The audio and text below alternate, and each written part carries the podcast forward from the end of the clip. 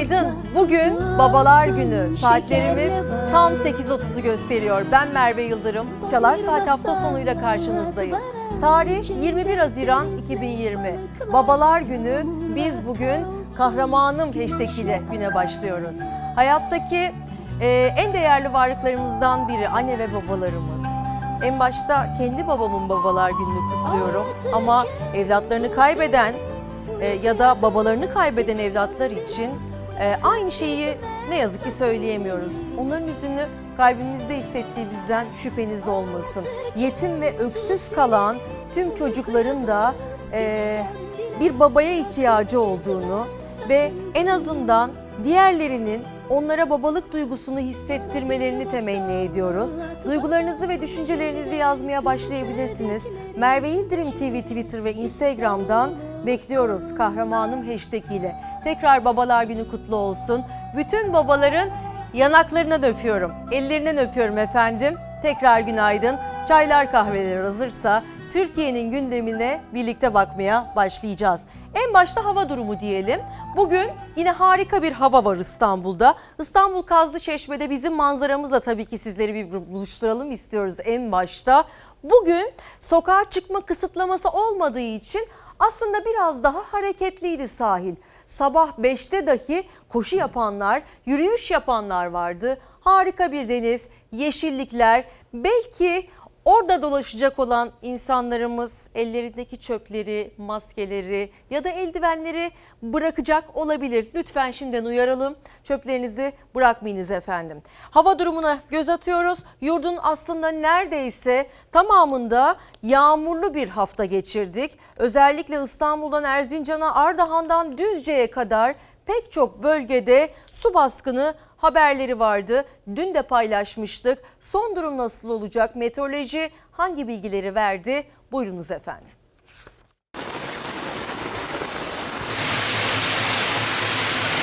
Yurdun neredeyse tamamı yağmur esaretinde. Doğudan batıya, kuzeyden güneye sağanak yağışların etkisini hissetti Türkiye. Ne yazık ki sel ve su baskını haberlerinin ardı arkası gelmedi. Erzincan'da iki gündür devam eden sağanak yağmur önüne kattığı toprağı, çamuru işte böyle hızla sürükledi. Üzümlü ilçesine bağlı Günebakan köyünde yaşanan sel sonrası iki köy yolu ve bir ilçe yolu ulaşıma kapandı. Erzincan valisi Mehmet Makas, kentte sağanak nedeniyle taşan Kurt Deresi'nin bulunduğu bölgeye giderek burada Afet ve Acil Durum Müdürlüğü ile İl Özel İdaresi ve DSİ'ye ait ekiplerin yürütmüş olduğu çalışmaları yerinde inceledi.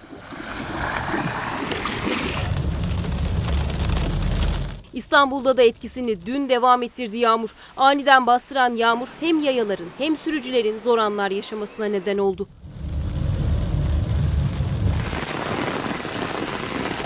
Düzce'de bir saat içinde metrekareye 20 kilogram yağış düştü. Evleri su bastı, sokaklar, caddeler göle döndü. Yetkililer uyarı üstüne uyarıda bulundu. Vatandaşları dikkatli olmaya çağırdı. Kayseri'nin Bünyan ilçesinde dün sağanak yağış sonrasında meydana gelen sel ekili tarım arazilerinde büyük hasara neden oldu. Arazilerdeki sulama sistemlerinde de hasar meydana geldi. Karabük'te de benzer görüntüler vardı. Metrekareye 30 kilogram yağışın düştüğü Yenice ilçesinde tarım arazileri su altında kaldı. Köylüler yağmur suyunun evlerinin önüne gelmemesi için ellerini aldıkları küreklerle mücadele verdi.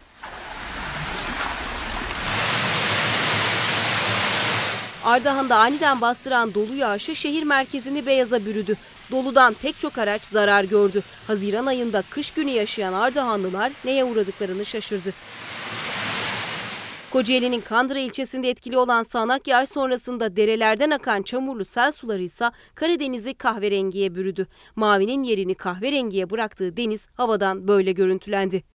Meteoroloji ise uyarılarına devam ediyor. Ülke geneli parçalı ve çok bulutlu olsa da hemen her bölge aralıklı ve yerel yağışlar alabilir. Marmara, Akdeniz'in iç kesimleri, İç Anadolu, Karadeniz, Doğu Anadolu'nun kuzey ve doğusu, Afyonkarahisar, Uşak, Kütahya, Adana, Mersin, Batman ve Siirt çevreleriyle Hatay'ın kıyı, Diyarbakır'ın doğu kesimlerinin yerel olmak üzere aralıklı sağanak ve gök gürültülü sağanak yağışlı geçeceği tahmin ediliyor. Özellikle Bayburt, Artvin, Erzurum, Kars, Kars, Ardahan, Ağrı, Muş, Bitlis, Şırnak ve Hakkari çevrelerini uyarıyor meteoroloji. Bu bölgelerdeki kuvvetli yağmur ve rüzgar tehlike yaratabilir. Diliyoruz ki sele tekrardan kurban gitmeyelim. Çünkü dün yurdun hemen hemen her bölgesinden gelen sel baskını haberleri az kalsın bir kadının canını alıyordu. Aman dikkat tabii ki bunun için de yetersiz altyapının tekrar hatırlatmasını yapmamıza e, gerek duymamamız gerektiğini düşünüyorum ama maalesef e, altyapı olarak pek yeterli değiliz. Efendim Kahramanı Meşteki'yle başladık güne. Gazetelerimize devam edelim. En başta Yeni Söz gazetesinden bir haber detayını göreceksiniz. Komutanlar sıfır noktasında teröristlerin inlerine girdik. Milli Savunma Bakanı ve komutanlar Pençe Kaplan operasyonu bölgesine en yakın üst bölgelerinden Siyah Kaya üst bölgesinde inceleme yaptı. Akar operasyonun başından bu yana 700'den fazla hedef vuruldu dedi. Son teröriste kadar mücadelemiz sürecek açıklamasında yaptı. Malum dün sabah acı bir haberle başlamıştık güne. Bir askerimiz şehit olmuştu. Irak'ın kuzeyinde düzenlenen Pençe Kaplan Harekatı aslında son zamanların en geniş kapsamlı harekatlarından biri ve 700'den fazla hedef vurdu Mehmetçik. Terör örgütüne ağır darbe vurmaya da devam ediyor. Türk Silahlı Kuvvetleri Irak'ın kuzeyinde terör örgütüne darbe vurmaya devam ediyor. Pençe Kaplan Harekatı dördüncü gününde teröristler ya kaçtı ya da çatışmalarla etkisiz hale getirildi. İşte o çatışmalardan birinden acı haber de geldi. Piyade uzman onbaşı Ömer Kahya çatışmada yaralandı, kaldırıldığı hastanede şehit oldu. 23 yaşındaki şehidin memleketi Kahramanmaraş Pazarcık'ta acı ve gurur iç içeydi. Ömer Kahya Baba Ocağı Pazarcık ilçesinde vatan toprağına emanet edildi. Onlar kaçıyor, biz kovalıyoruz. Onların inlerini, mağaralarını, barınaklarını, sığınaklarını kafalarına yıkmaya devam ediyoruz. Bu alçak, bu kalleş saldırıların hesabını verecekler. Bunları burunlarından fitil fitil getireceğiz. Ve getiriyoruz. Hepsi şimdi dağıldı, kaçacak delik arıyor. Milli Savunma Bakanı Hulusi Akar bu intikam sözünü Şırnak Silopi'de PKK'nın yola döşediği patlayıcı sonucu iki gün önce şehit olan 4 işçinin ailesine verdi. Ülkenin terörün kökünü kazımakta ne kadar kararlı olduğunun altını bir kez daha çizdi. O bu sözü verirken Türk Silahlı Kuvvetleri de dağlarda teröristlerin peşindeydi. Ve bu iş bitecek inşallah. Cumhurbaşkanımızın bize talimatı bu. Bu işi bitirin diyor. Ne mal olursa olsun. Hulusi Akar yine gece boyunca Türk Silahlı Kuvvetleri'nin komuta kademesiyle birlikte harekat merkezindeydi. Bir sonraki durağı operasyon bölgesine en yakın nokta olan sınırın sıfır noktası 950 metre yükseklikteki Siyah Kaya üst bölgesiydi. Vatan ve millet uğruna seve seve can vermeye hazırda sayın komutanım. Sağ ol. Sahadaysa tespit edilen hedefler silahlı insansız hava araçlarıyla yoğun ateş altında. Komandolar da zorlu arazi koşullarında ilerliyor. 4 terörist daha etkisiz hale getirildi. Kara ve hava birliklerinin açtığı ateşler sonucu şimdiye kadar yerle bir edilen hedef sayısı 700'ü aştı. 150'ye yakın sığınak ve mağarayla çok sayıda mühimmat ve silah ele geçirildi. İmha edilen el yapımı patlayıcı ve mayın sayısı da 160'tan fazla. PKK varlığından Irak Kürt Bölgesel Yönetimi de rahatsız. Terör örgütü PKK'ya sınır bölgesinden ayrılarak topraklarını terk etme çağrısı yaptı. Dışişleri Bakanı Mevlüt Çavuşoğlu da Pençe Kaplan Harekatı'nın Irak'a da huzur getireceğini söyledi. PKK şehre indi. Yüzlerce yeri kontrol ediyorlar. Ve oradaki partilere de baskı yapıyorlar. Bu dolayısıyla oradan bize de tehdit oluşturuyorlar. Dolayısıyla bu pençe harekatı o bölgeden de teröristleri temizleninceye kadar aşama aşama devam edecek. Bu Irak için de iyi, bizim için de iyi.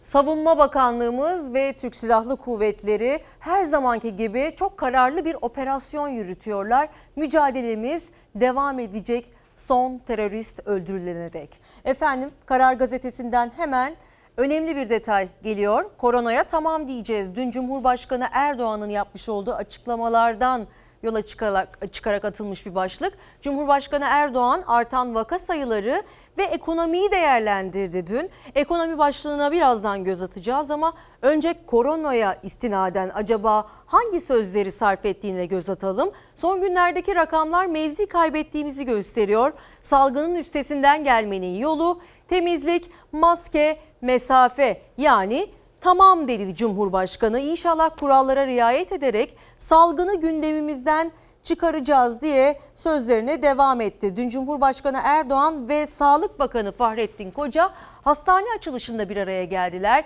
TMM yani neydi? Az önce okumuştum. Temizlik, maske, mesafe. Evet sözlerde böyle ama ne yazık ki dışarıdaki manzara tamam değil. Temizlik, maske, mesafe. Yani TMM. Yani tamam. Unutmayınız bu kurallara uymamak kul hakkına girmektir. Bu dikkat ve hassasiyetle inşallah kısa sürede salgını gündemimizden tamamen çıkartacağımıza inanıyorum. Cumhurbaşkanı Erdoğan tamam dedi. Üç kuralı tekrarladı. Sağlık Bakanı Fahrettin Koca da tehlike geçmiş değil dedi. insanımıza huzurunuzda vermek istediğim iki mesaj var. Birincisi salgın riski ortadan kalkmış değil. Normalleşme mücadeleden geri adım atmak anlamına gelmemektir. Gelmemelidir. İkincisi ise kontrollü sosyal hayat.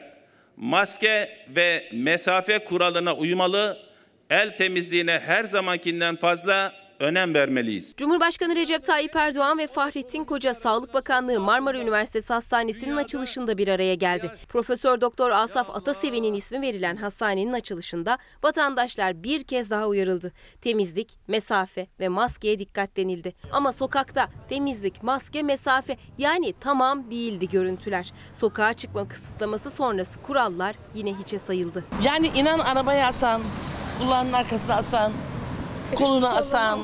Yani var. Maske var ama Buraya indiren kullanılıyor. Maskeler hep altta. İkinci dalgada gelir, üçüncü dalgada gelir. Yani İnsanlar çok sorumsuz davranıyor. Maskeniz inmişti. Biraz dedim hava alayım. Havada sıcak olduğu için. Ağzınızı ve burnunuzu e, kapatmanız gerekiyor. alışamadım yani. Arkanız full kalabalık yani. Siz de görüyorsunuz. İnsanlar artık biraz tedbir olacak. Biraz bu virüste yaşamayı öğrenmemiz lazım. Kısıtlama biter bitmez sokaklar o kalabalık görüntüsüne döndü. Maske takma zorunluluğuna rağmen hiç maskesi olmayanlar vardı. Yine kuralları ihlal edildi. Uymayanlar da var yani görüyoruz maskeler çene altında olanlar var. Hiç maskesiz çıkanlar var. Saat 15'te kısıtlama sona erdi. Kısıtlama biter bitmez dışarı çıkanlar AVM önlerinde yoğunluk oluşturdu. Bir alışveriş merkezine uğrayacağız. Güzel hava evde kalınmıyor. Hava güzel ama siz AVM'ye gidiyorsunuz. AVM hani çok gezmeyeceğiz. Yani aslında 3 saat boyunca kalınca çok tehlikeli oluyor. Yani mesafeyi de koruduğumuz zaman bir sıkıntı olacağını düşünmüyorum. Çocuk için geldik. Normalde gelmeyiz. LGS'de görevliydim. Sınav bitti. Pazartesi de kızımın doğum günü. Hediye almam gerekiyor. O yüzden geldim. Normalleşme sürecinden sonra vaka sayıları günlük 1500'lere ulaşmıştı. Son birkaç gündür iyileşen hasta sayısı yeni vaka sayısının üzerinde. 20 Haziran'da 1248 yeni vaka, 22 yeni ölüm kayda geçti. İyileşen hasta sayısı 1312. Sağlık Bakanı Koca son günlerde vaka sayılarının arttığı illerden bazılarındaki yoğun bakım hasta sayılarını paylaştı. Buna göre Diyarbakır'da 30, Kayseri'de 41, Batman'da 22, Bursa'da 46 hasta yoğun bakımda tedavi görüyor. Virüsü kontrol altına tutabilmek için tüm kurallara harfiyen uyulması gerekiyor.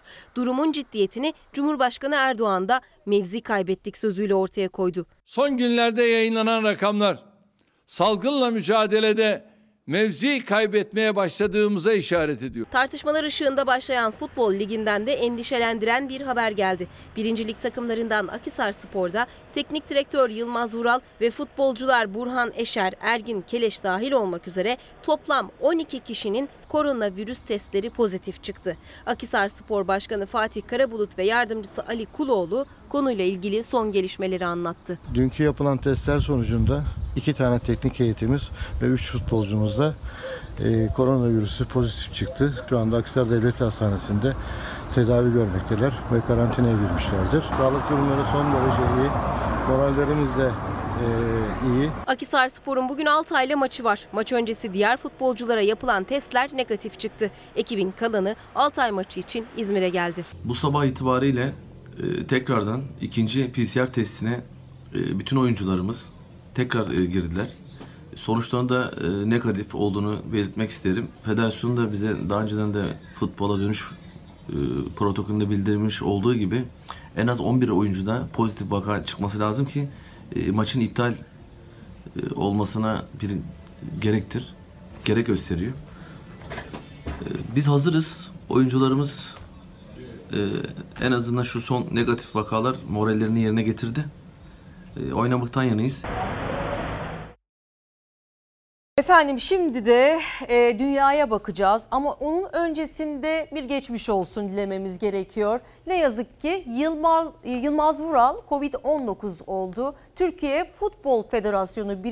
Lig ekiplerinden Akisar Spor'da teknik direktör Yılmaz Vural 3 futbolcu, bir antrenörle 7 kulüp çalışanına uygulanan yeni tip koronavirüs testinin pozitif sonuç verdiği bildirildi. Testi pozitif çıkan tüm personel karantinaya alınırken sağlık durumlarının iyi olduğu belirtildi.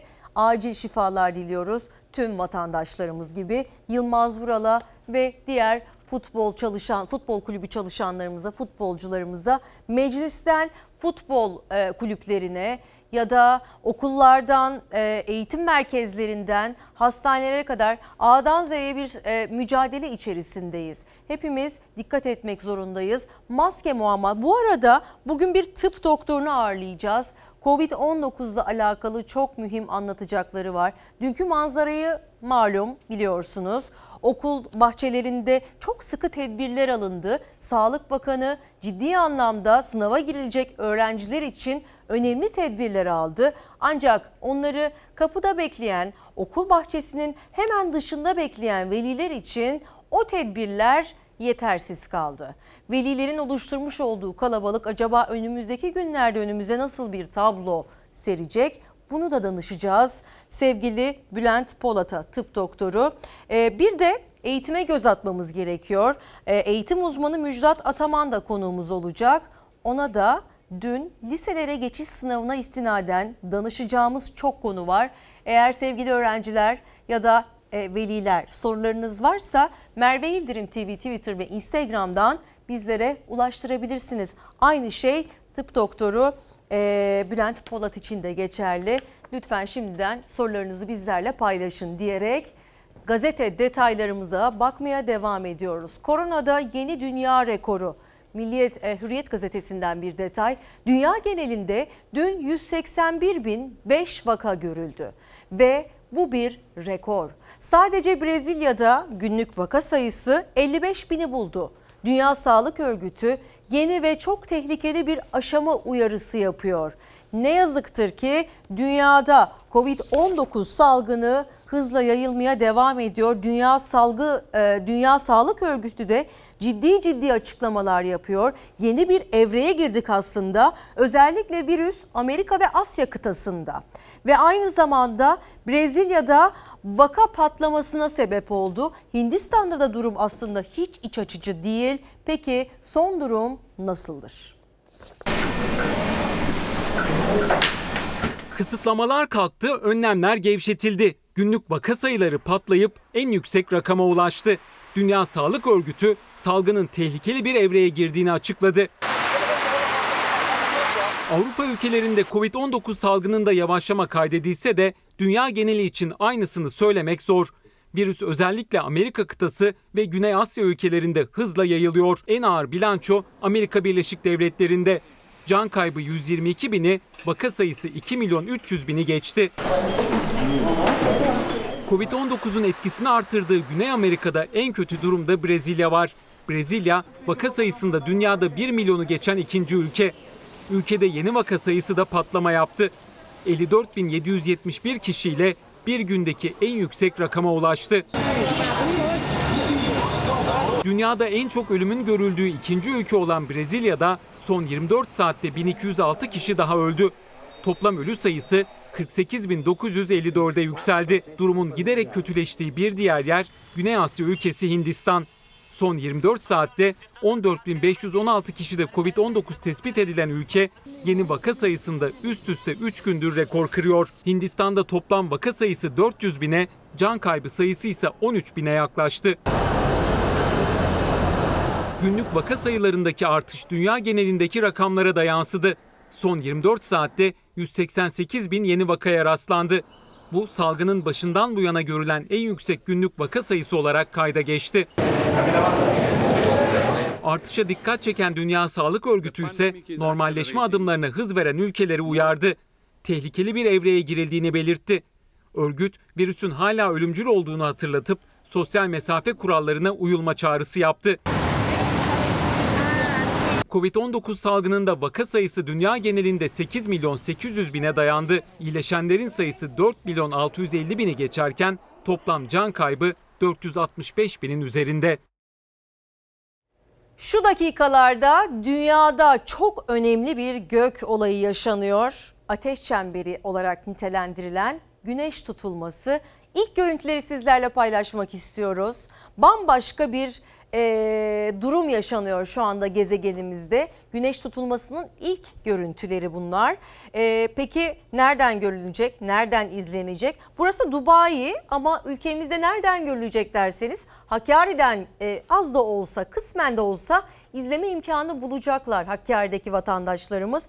Bunun dışında e, özellikle Afrika, Pakistan, Hindistan ve Çin'in bazı bölgelerinden görülecek. Güney ve Doğu Avrupa ile Kuzey e, Avustralya'da ise kısmi olarak izlenecek. E, ve 6.45'ten bu yana aslında güneş tutulması bizim gezegenimizde yaşanıyor.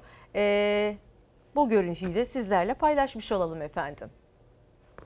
Şimdi Siyasi gündemimize devam ediyoruz. Her ne kadar Cumhur İttifakları Erdoğan'ın Bahçeli'nin Beştepe görüşmesi sonrası erken seçim sayfasını kapatmış gibi görünse de tartışması ve yankıları halen bitmedi. MHP lideri Devlet Bahçeli iktidar hesabı yapanlar kundakçılık yapıyor demişti. O sözlere yanıtı İyi Parti Genel Başkanı Meral Akşener verdi. Kılıçdaroğlu da sözlerine bazı şeyler ekledi. 2023 görünüyor. Bu benim analizim. Milliyetçi Hareket Partisi Cumhur İttifakı'nın itibar ve iradesiyle zamanında yapılacak seçimlere hazırlanacak, şeytana da külahını ters giydirecektir. Sayın Bahçeli'nin beyanatını okudum. Şoka girmiş durumdayım. Muhalefetten herhangi bir genel başkan çıkıp da biz erken seçim istiyoruz gibi bir cümle sarf etmedi. Kendileri söylüyorlar, kendileri hakaret ediyorlar. Seçimlere kadar önümüzde 3 yıllık bir vakit var. Erdoğan Bahçeli görüşmesinde erken seçim tartışmalarına son nokta konulmuş görünüyor. Bahçeli seçimler zamanında yapılacak derken muhalefeti hedef aldı. Cevap bir kent bir ülke YouTube kanalına konuşan İyi Parti lideri Meral Akşener'den geldi. Erken seçimi tartıştıran biz değiliz dedi Akşener. Seçimler için 2023 tahminini dile getirdi. Bu partili cumhurbaşkanlığı sisteminin de ekonomiyi bu hale getirmesi sebebiyle 2023'e kadar bugünkü iktidar taşıyamaz. Eski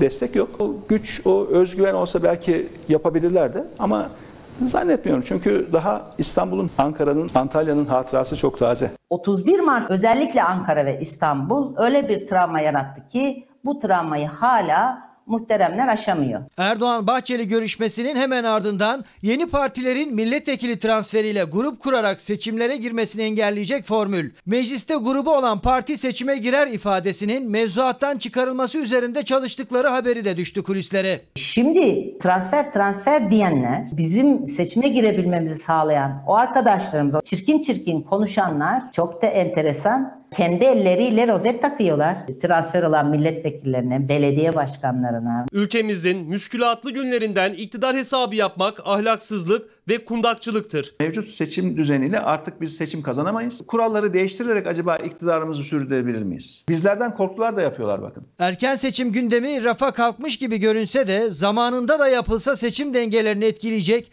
yeni partiler ve yeni ittifaklar tartışması ise sıcaklığını koruyor. Akşener, Davutoğlu ve Babacan'a da Millet İttifakı'nın kapısının açık olduğunu söyledi. Ortak noktalarımız nedir? Parlament, güçlendirilmiş parlamenter sistemdir, demokrasidir, Bu arkadaşlarımızın da burada yer almasında bir sakınca yok diye düşünüyorum. Geldiğimiz bu aşamada Türkiye'de gerçek hasta muhalefettir. Bu hastalığın adı da zillettir. Vatan Partisi, MHP ve AK Parti bir bütün oldular. İktidar muhalefet seçim takvimi için 2023'ü işaret etti ama söylemler, hazırlıklar her an seçim olacakmış gibi. Ve dünün en önemli gündem maddelerinden biri aslında bugüne de yansıması olacak ama esas pazartesi gününde en büyük yankısını göreceğiz. Barolar, baro başkanlarını hedef gösterdi başlığıyla Bir Gün Gazetesi'nde bir haber var. Ee, barolar Ankara'ya doğru yürüyorlar ve bunun adı savunma yürüyüşü. Adaletin temsilcisi onlar ve yasada yapılacak bazı değişiklikleri protesto etmek amaçlı pek çok ilden 80 ilden baro başkanı Ankara'ya doğru yürüyüşe yaptı. Bir gün gazetesinde ise baro başkanlarını hedef gösterdi başlığı altında 80 ilin baro başkanının başlattığı yürüyüş sürerken Türkiye Barolar Birliği Başkanı Feyzoğlu'nun yaptığı açıklamalar tepki çekti detayı var. Aydın Baro Başkanı bizi hedef gösteren isim olarak tarihe geçeceksiniz diyerek fikrini beyan etti. Mersin Baro Başkanı Yeşilboğaz ise Feyzoğlu'nun destek değil köstek olacağını biliyorduk ama bu kadar provokatif açıklamalarda bulunacağını tahmin etmiyorduk. Hukukçu kimliğine yakışmıyor dedi. Türkiye Barolar Birliği Başkanı Metin Feyzoğlu çoklu baroya biz de karşıyız dedi aslında ama sonrasında yapmış olduğu açıklamalar hemen hemen her hukuk temsilcisinin dikkatinden kaçmadı. Özellikle sosyal medyada önemli bir hareketlilik yaşandı dün akşam saatlerinde. Bu, bu açıklamaya gelen tepkiler yoğunluktaydı. Hashtaglerde aslında yüksek sıralara yükseldi Metin Feyzoğlu. Kimileri bizi temsil etmiyor diyerek dile getirdi tepkisini. Kimileri daha sert eleştirdi. Habere kulak verdikten sonra adaletin temsilcileri avukatlarımızın yürüyüşüne, hukukçuların yürüyüşüne göz attıktan sonra sizlerle iki önemli tweet paylaşacağız. Baroların başlattığı yürüyüşün hafızalara kazınan görüntüsü. Şiddetli yağmur altında yürüyüşünü elinde şemsiyesi, üstünde cübbesiyle sürdüren Giresun Barosu Başkanı Avukat Soner Kandemir. Barolar bölünürse, parçalanırsa halkın sesi kısılır. Çoklu baro sistemi öncelikle devletimizin üniter yapısının altına dinamit koymaktan başka bir şey değildir. İllegal yapılanmalar için yıllardır bekledikleri bir fırsat aslında bu. Çoklu baro denilen e, kavrama Türkiye Barolar Birliği karşı. 80 baromuzda karşı. Sayın Cumhurbaşkanımıza da yanlış olduğunu söyledim. Baroların seçim sisteminde ve yapısında yapılması düşünülen yasa değişikliğine tepki göstermek için eş zamanlı olarak baro başkanlarının Ankara'ya başlattığı yürüyüş sürerken Türkiye Barolar Birliği Başkanı Metin Fevzioğlu da konuştu. Çoklu baroya ben de karşıyım dedi ama yürüyüşü eleştirdi. 80 baro yürüyor böyle bir şey yok. Bildiğim kadarıyla 30 civarı. Bu yürüyüş avukatların yargının sorunlarını çözmek için midir? Yoksa başka bir şey için midir? Yürüyüşün baro ve avukatların sorunlarının çözümü için olmadığını savundu Fevzioğlu. CNN Türk'te katıldığı programda İstanbul ve Ankara baro başkanlarını Adalet Bakanı ile yapılan görüşmeye gelmemekle suçladı. Yürüyeceksiniz peki bir demokratik hak. Meclise derdinizi anlatmak için yürüyeceksiniz değil mi? E meclis sizi davet etmiş. Gel bana derdini anlat demiş. Sen oraya gitmiyorsun. Türkiye'de ilk kez 80 baro bir tavır koymak suretiyle bu değişikliklere karşı olduklarını, teklif geri çekilirse bu katkıyı vereceğimizi, aksi takdirde eylemlilik sürecine başlayacağımızı ilan etmiştik. 80 baro bir ay önce ortak bildiriye imza attı. Baroların yapısı avukatlık kanununun hazırlanması aşamasında asıl muhatap barolar olmalı diye. İktidarla ortak noktada buluşulamayınca eyleme geçildi ama Türkiye Barolar Birliği Başkanı Feyzioğlu yürüyüşe katılan barolarla bir kez daha ayrıştı. Seçim sistemini eleştirdi. İstanbul Barosu'nun 48 bin üyesi var. 20 bini seçime gidiyor. 28 bini yaklaşık bir şey beklemiyor, gitmiyor. 8 bin oy alan liste tüm yönetim kurulunu, disiplini, denetimi firesiz çıkartıyor. 40 küsur bin kişi temsilsiz kalıyor. Avukatsız ifadesi alınan insanlar, kötü muamele gören insanlar avukatsız kalacak. Bunları barolar bölünürse kimse yapmayacak. Bazı sevgili arkadaşlarımız siyasi parti söylemi ile hukuk söylemi arasında e, çizgiyi tutturamıyorlar. Bu kutuplaşmanın bir tarafı olmamızı istiyorlar. Ben reddettiğim için ateş altındayım. Barolara göre değişiklikte ısrar edilmesinin nedeni iktidara yönelik yapılan eleştirilerden duyulan rahatsızlık, baroların sesinin kısılmak istenmesi. Fevzioğlu da o tartışmanın ortasına koydu kendisini. Baro başkanlarının başlattığı savunma yürüyüşünde gözler Ankara'da verilecek mesajlarda. Metin Feyzioğlu bizi temsil etmiyor hashtag'indeki gündem e, gündeme yönelik e, yorumlar halen devam ediyor aslında özellikle Twitter'da avukatların kendi meslektaşlarının tepkileri dikkat çekici boyutta. Çünkü çoklu baro sisteminin adalete ve hukuka aykırı olduğunu savunan pek çok adalet temsilcisi var. E, en başta en başta iki tweet sizlerle paylaşmak istiyoruz. Erinç Sakan Ankara Barosu Başkanı, Babalar Günü'nü kutlayacaksak 70 yaşında yollarda yürüyen Zonguldak Barosu Başkanımız Avukat Özel Eroğlu'na bakın. Hukuk devletinin, yargı bağımsızlığının ve mücadelenin babası kutlu olsun. Savunma yürüyor hashtag ile böyle iki fotoğraf karesi paylaştı. Ee, yaşı ne olursa olsun pek çok avukat ve baro şu anda Metin Feyzioğlu e, bizi temsil etmiyor. Hashtag ile Twitter'da özellikle düşüncelerini paylaşıyor ve başladıkları yürüyüşte pazartesi günü Ankara'da son bulacak. Ankara'da neler yaşanacağının takipçisi olacağız tabii ki. Ve İstanbul Barosu Başkanı Avukat Mehmet Durakoğlu da Metin Feyzioğlu'nun özür dilerim Metin Feyzioğlu'nun bugünkü beyanları onu bütün açı, e, açıklığıyla anlamak için yeterlidir. Feyzioğlu artık bir avukatlık sorunudur. Konuştuğumuz yasa teklifinin yazıcısıdır, katibidir, fikir babasıdır. Metin Feyzioğlu beni temsil etmiyor diyerek sert bir dille Metin Feyzioğlu'nun açıklamalarını eleştirdi. İstanbul Barosu Başkanı Avukat Mehmet Durakoğlu. Efendim e, avukatlar ve hukuk cephesinde durum böyleydi. Adalet için yürüyorlar ve bir hayal kırıklığı yaşıyoruz diyorlar. Takipçisi olacağız. Şimdi ise sırada ne var? Karar gazetesinden önemli bir detay var. Aslında bu haberi sizlerle paylaşmadan önce başka bir yere gideceğiz. İçişleri Bakanı Süleyman Soylu Bingöl depreminde zarar gören bir köyü ziyaret etti. Ve o köyde evlere yıkılmakta olan, yıkılan köylülerin e, zararının telafi edileceğini dile getirdi. Önce Bingöl'de geçtiğimiz hafta yaşadığımız depremin ayrıntıları ve onun sonrasında alınacak önlemlere dair verilen vaatleri dinleyeceğiz. Ve sonrasında bir kez daha ne yazık ki bu sabahta deprem gerçeğiyle yüz yüze gelmek zorundayız. Çünkü uzmanlardan çok ciddi uyarılar var. Nasıl kentsel dönüşüm varsa kırsal dönüşüm konusunda da Çevre Şehircilik Bakanlığımızın bir çalışması, bir hazırlığı var. İçişleri Bakanı Süleyman Soylu depremzedeleri ziyaret etti. Şunu bilesiniz. Ama benim Sizi evinize sokana kadar biz buraya gelip gideceğiz. 5.7'lik Bingöl depremiyle hasar gören Erzurum Çat ilçesine bağlı Çayırtepe köyündeydi İçişleri Bakanı Soylu. İncelemelerde bulundu. Taş evlerin yıkılacağını, dönüşüme sokulacağını, eşyalarını kurtarabilenlere 2500, evi ağır hasar alanlara 5000 lira yardım yapılacağını duyurdu. Elazığ'da da Malatya'da da aynısını yaptık. Eğer eşyalarını çıkarıyorlarsa da başka bir yerlere geçiyorsa ev olanlar 2500 lira yardım yapacağız. Cumhurbaşkanlığı kararnamesiyle Kayseri Melik Gazi Kaymakamlığından Elazığ Valiliğine atanan Vali Erkaya Yırıksa göreve gelir gelmez konteyner kentlerde kalanları ziyaret etti. Sorun ve talepleri dinleyip ilgili kurum müdürlerine talimat verdi.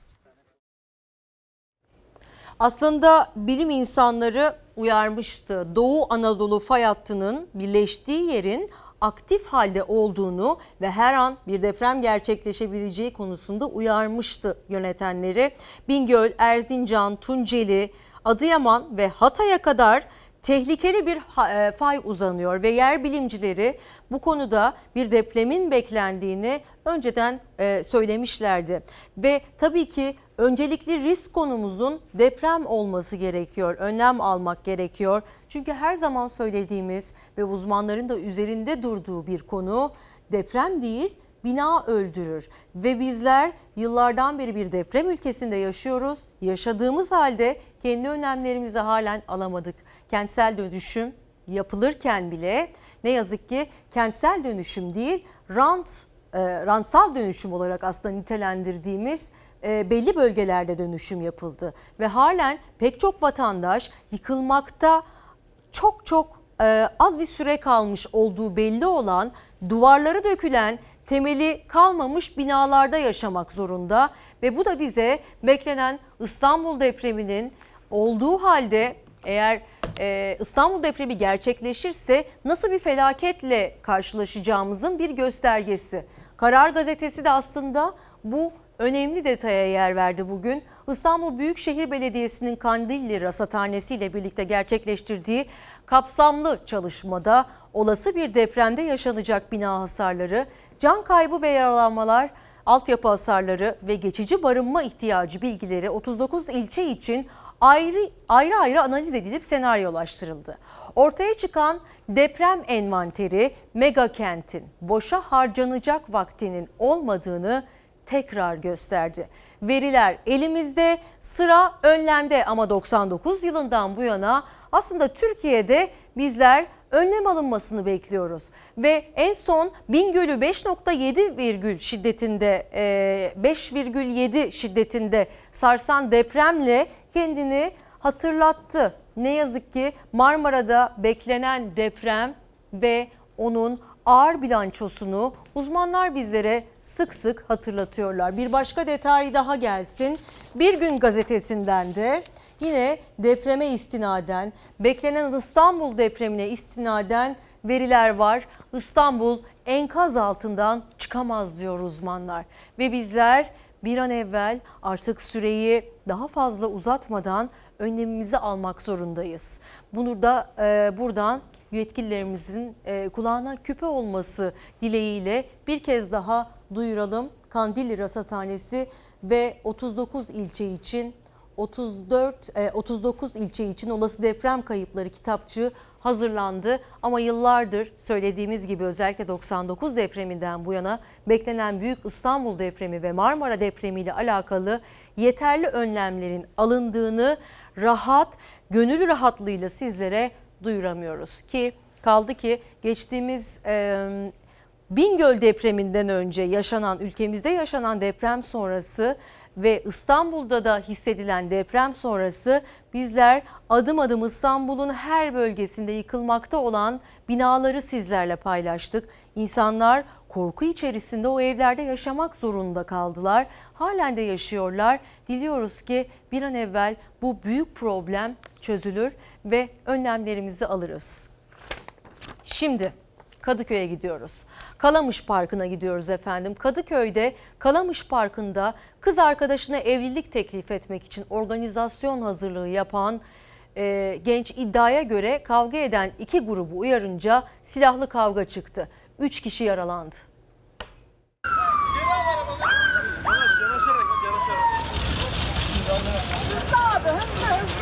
Plan romantik bir evlilik teklifiydi, silahlar ateşlendi. Teklif için süslenen alan polis şeridiyle çevrildi. Gece hastanede bitti. İstanbul Kadıköy'deki Kalamış Parkı gece romantik bir evlilik teklifine ev sahipliği yapacaktı. Park süslendi, sürpriz hazırdı. Ancak planda olmayan bir aksilik yaşandı. Parktaki iki grup arasında kavga çıktı. İddiaya göre kavga edenleri uyardı genç sevgili. Sürprizinin mahvolmasını istemiyordu. Ancak daha kötüsü oldu. Sözlü tartışma silahlı kavgaya dönüştü. Üç kişi ateş edilen o kurşunlarla yaralandı. Arkadaşlar hadi ya bunu Tamam ikisi Göztepe eğitim araştırma. Yaralılara ilk müdahale olay yerinde yapıldı. Evlilik teklifi hazırlığıyla başlayan gece silahların ateşlenmesiyle hastanede sonlandı. Dediğimiz gibi şu anda önemli bir gök olayı yaşanıyor evrenimizde, gezegenimizde. Ay az önce e, yönetmenim Hilal söyledi takip ediyoruz görüntüleri. Çok güzel ve çok etkileyici bir görüntü. Aslında nasıl bir gezegende yaşadığımızı ve bu gezegenin ufacık bir parçası olduğumuzu bize bir kez daha hatırlatıyor. Güneş tutulması var. Görüntümüz şu anda hazır galiba. Evet az önce e, Dolunay'dı. Dolunay şeklindeydi aslında güneş yani e, mecazi anlamda bunu söylüyorum görüntü olarak şu anda hilal şeklini aldı. Ve bizim ülkemizde nereden izlenebilir diye sorduğumuzda da Hakkari'den kısmen de olsa izlenilebilecek ama Afrika'dan bu görüntü Dubai'den ama en çok Afrika'dan da e, gözlemlenebilecek. E, diğer ülkelerde gözlemleme imkanına sahip olunacak önemli bir detay ve e, gerçekten önemli bir gök olayı. Efendim bugün babalar günü diyerek güne başladık. Kahramanım eştekiyle paylaştığınız mesajlara birazdan yer vereceğiz. Merve İldirim TV, Twitter ve Instagram'dan yazıyorsunuz. En başta aslında şunu söylemek gerekiyor. Evlatlarını kaybetmiş babalar, babalarını kaybetmiş evlatlar için hüzünlü ve buruk bir gün. Biz onları aslında bir gün bir güne sığdırmayı burada bir geleneksel halinde gelenekselleştirilmiş bir gün olarak kutluyoruz ama babalarımız bizim için gerçekten çok değerli. Ve eminim ki evlatlar da babalar da birbirleri için çok değerli. Evet yollar ayrılmış olabilir. Belki e, hayatta olmayabilirler ya da münakaşalarla yollar ayrılmış olabilir. Ama en azından bugünü bahane bilerek babalarımızı ya da evlatlarımızı bir telefonla dahi olsa arayıp seslerini duymanın güzel olabileceğini düşünenlerdenim. Ve tabii ki şehit babaları için, onlar için çok daha buruk bir gün. Milli Savunma Bakanlığı Babalar Günü'ne özel bir paylaşım yaptı. Bu vesileyle tüm şehit babalarımızı, evladını kaybeden babalarımızı da bir kez daha hatırlayarak hüzünlerini paylaştığımızı buradan dile getirelim.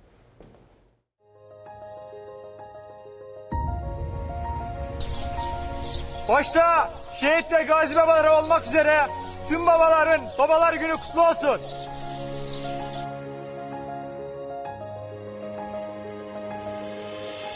Başta şehit ve gazi ailelerimizin babaları olmak üzere tüm babalarımızın babalar günü kutlu olsun.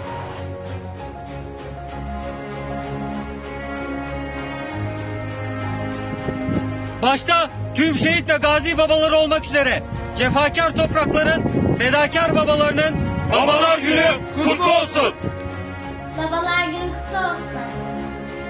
Seni çok seviyorum. Tamam hadi öpüyorum seni. Görüşürüz.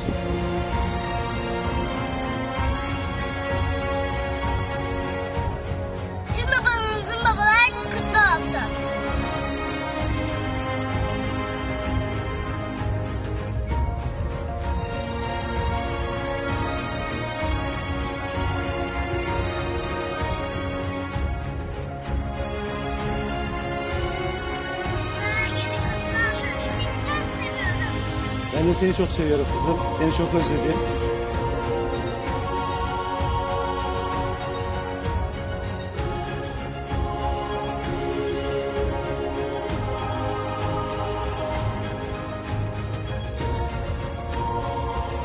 Babalar günü kutlu olsun. Seni çok seviyorum. Babalar günün kutlu olsun babacığım. İyi ki varsın. Seni çok seviyorum. Başta şehit ve gazi babalar olmak üzere tüm babaların babalar gününü kutluyoruz. Babalar gününüz kutlu olsun. Şehit ve gazili babalarımız başta olmak üzere tüm babalarımızın babalar gününü kutluyoruz efendim. Şimdi kısa bir ara vereceğiz. Dönüşte buradayız. Özellikle e, Covid-19 ile alakalı mühim konulardan bahsedeceğiz. Örneğin yaz tatiline gidecekseniz bunu kaçırmamanız gerekiyor. Çünkü değerli hocamızın operatör doktor, tıp doktoru Bülent Polat'ın önemli e, bilgiler var elinde ve bizi bazı konularda iyi yönlendirecek. Bu konu üzerinde duracağız. Ekonomiye de göz atacağız.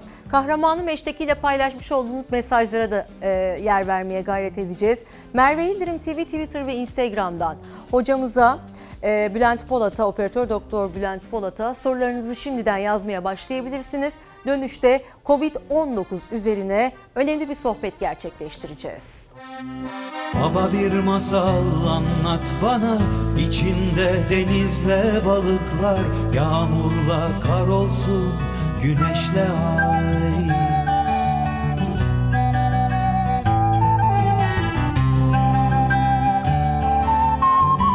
Anlatırken tut elini uykuya dalıp gitsem bile Bırakıp gitme sakın beni. Anlatırken tut elimi uykuya dalıp gitsem bile Bırakıp gitme sakın beni. İşte pandemi döneminde e, günlerce, aylarca çocuklarını göremeyen doktorlarımız, babalarını göremeyen çocuklarımız için hazırlandı bu klip.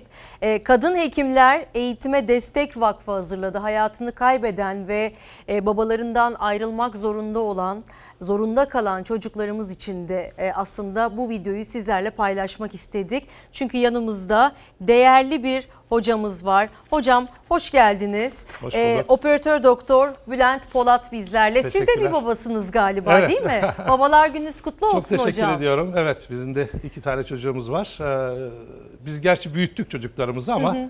tabii e, babalık başka bir şey. Başka bir kuşkusuz. şey ve e, siz bu yoğun tempoda acaba görebildiniz mi sağlık çalışanı olarak çocuklarınızı? Şimdi e, biz zaten kalp cerrahı olarak Hı e, yıllardan beri çok yoğun bir tempoda çalışan bir ekibiz.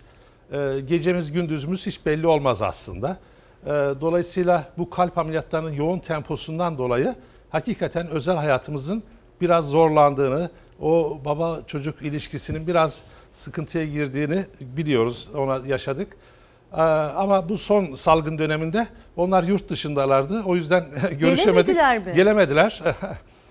Allah Çalıştıkları kavuştursun diyelim çok teşekkür hocam. ediyorum. Ne Sağ söyleyelim. Sağ. Ee, şöyle en başta aslında ben dün e, sınav sonrası ve sınav esnasında yaşanan görüntülerle o fotoğraf kareleriyle başlamak istiyorum. Evet. Sevgili izleyicilerimiz dün de e, görmüştük.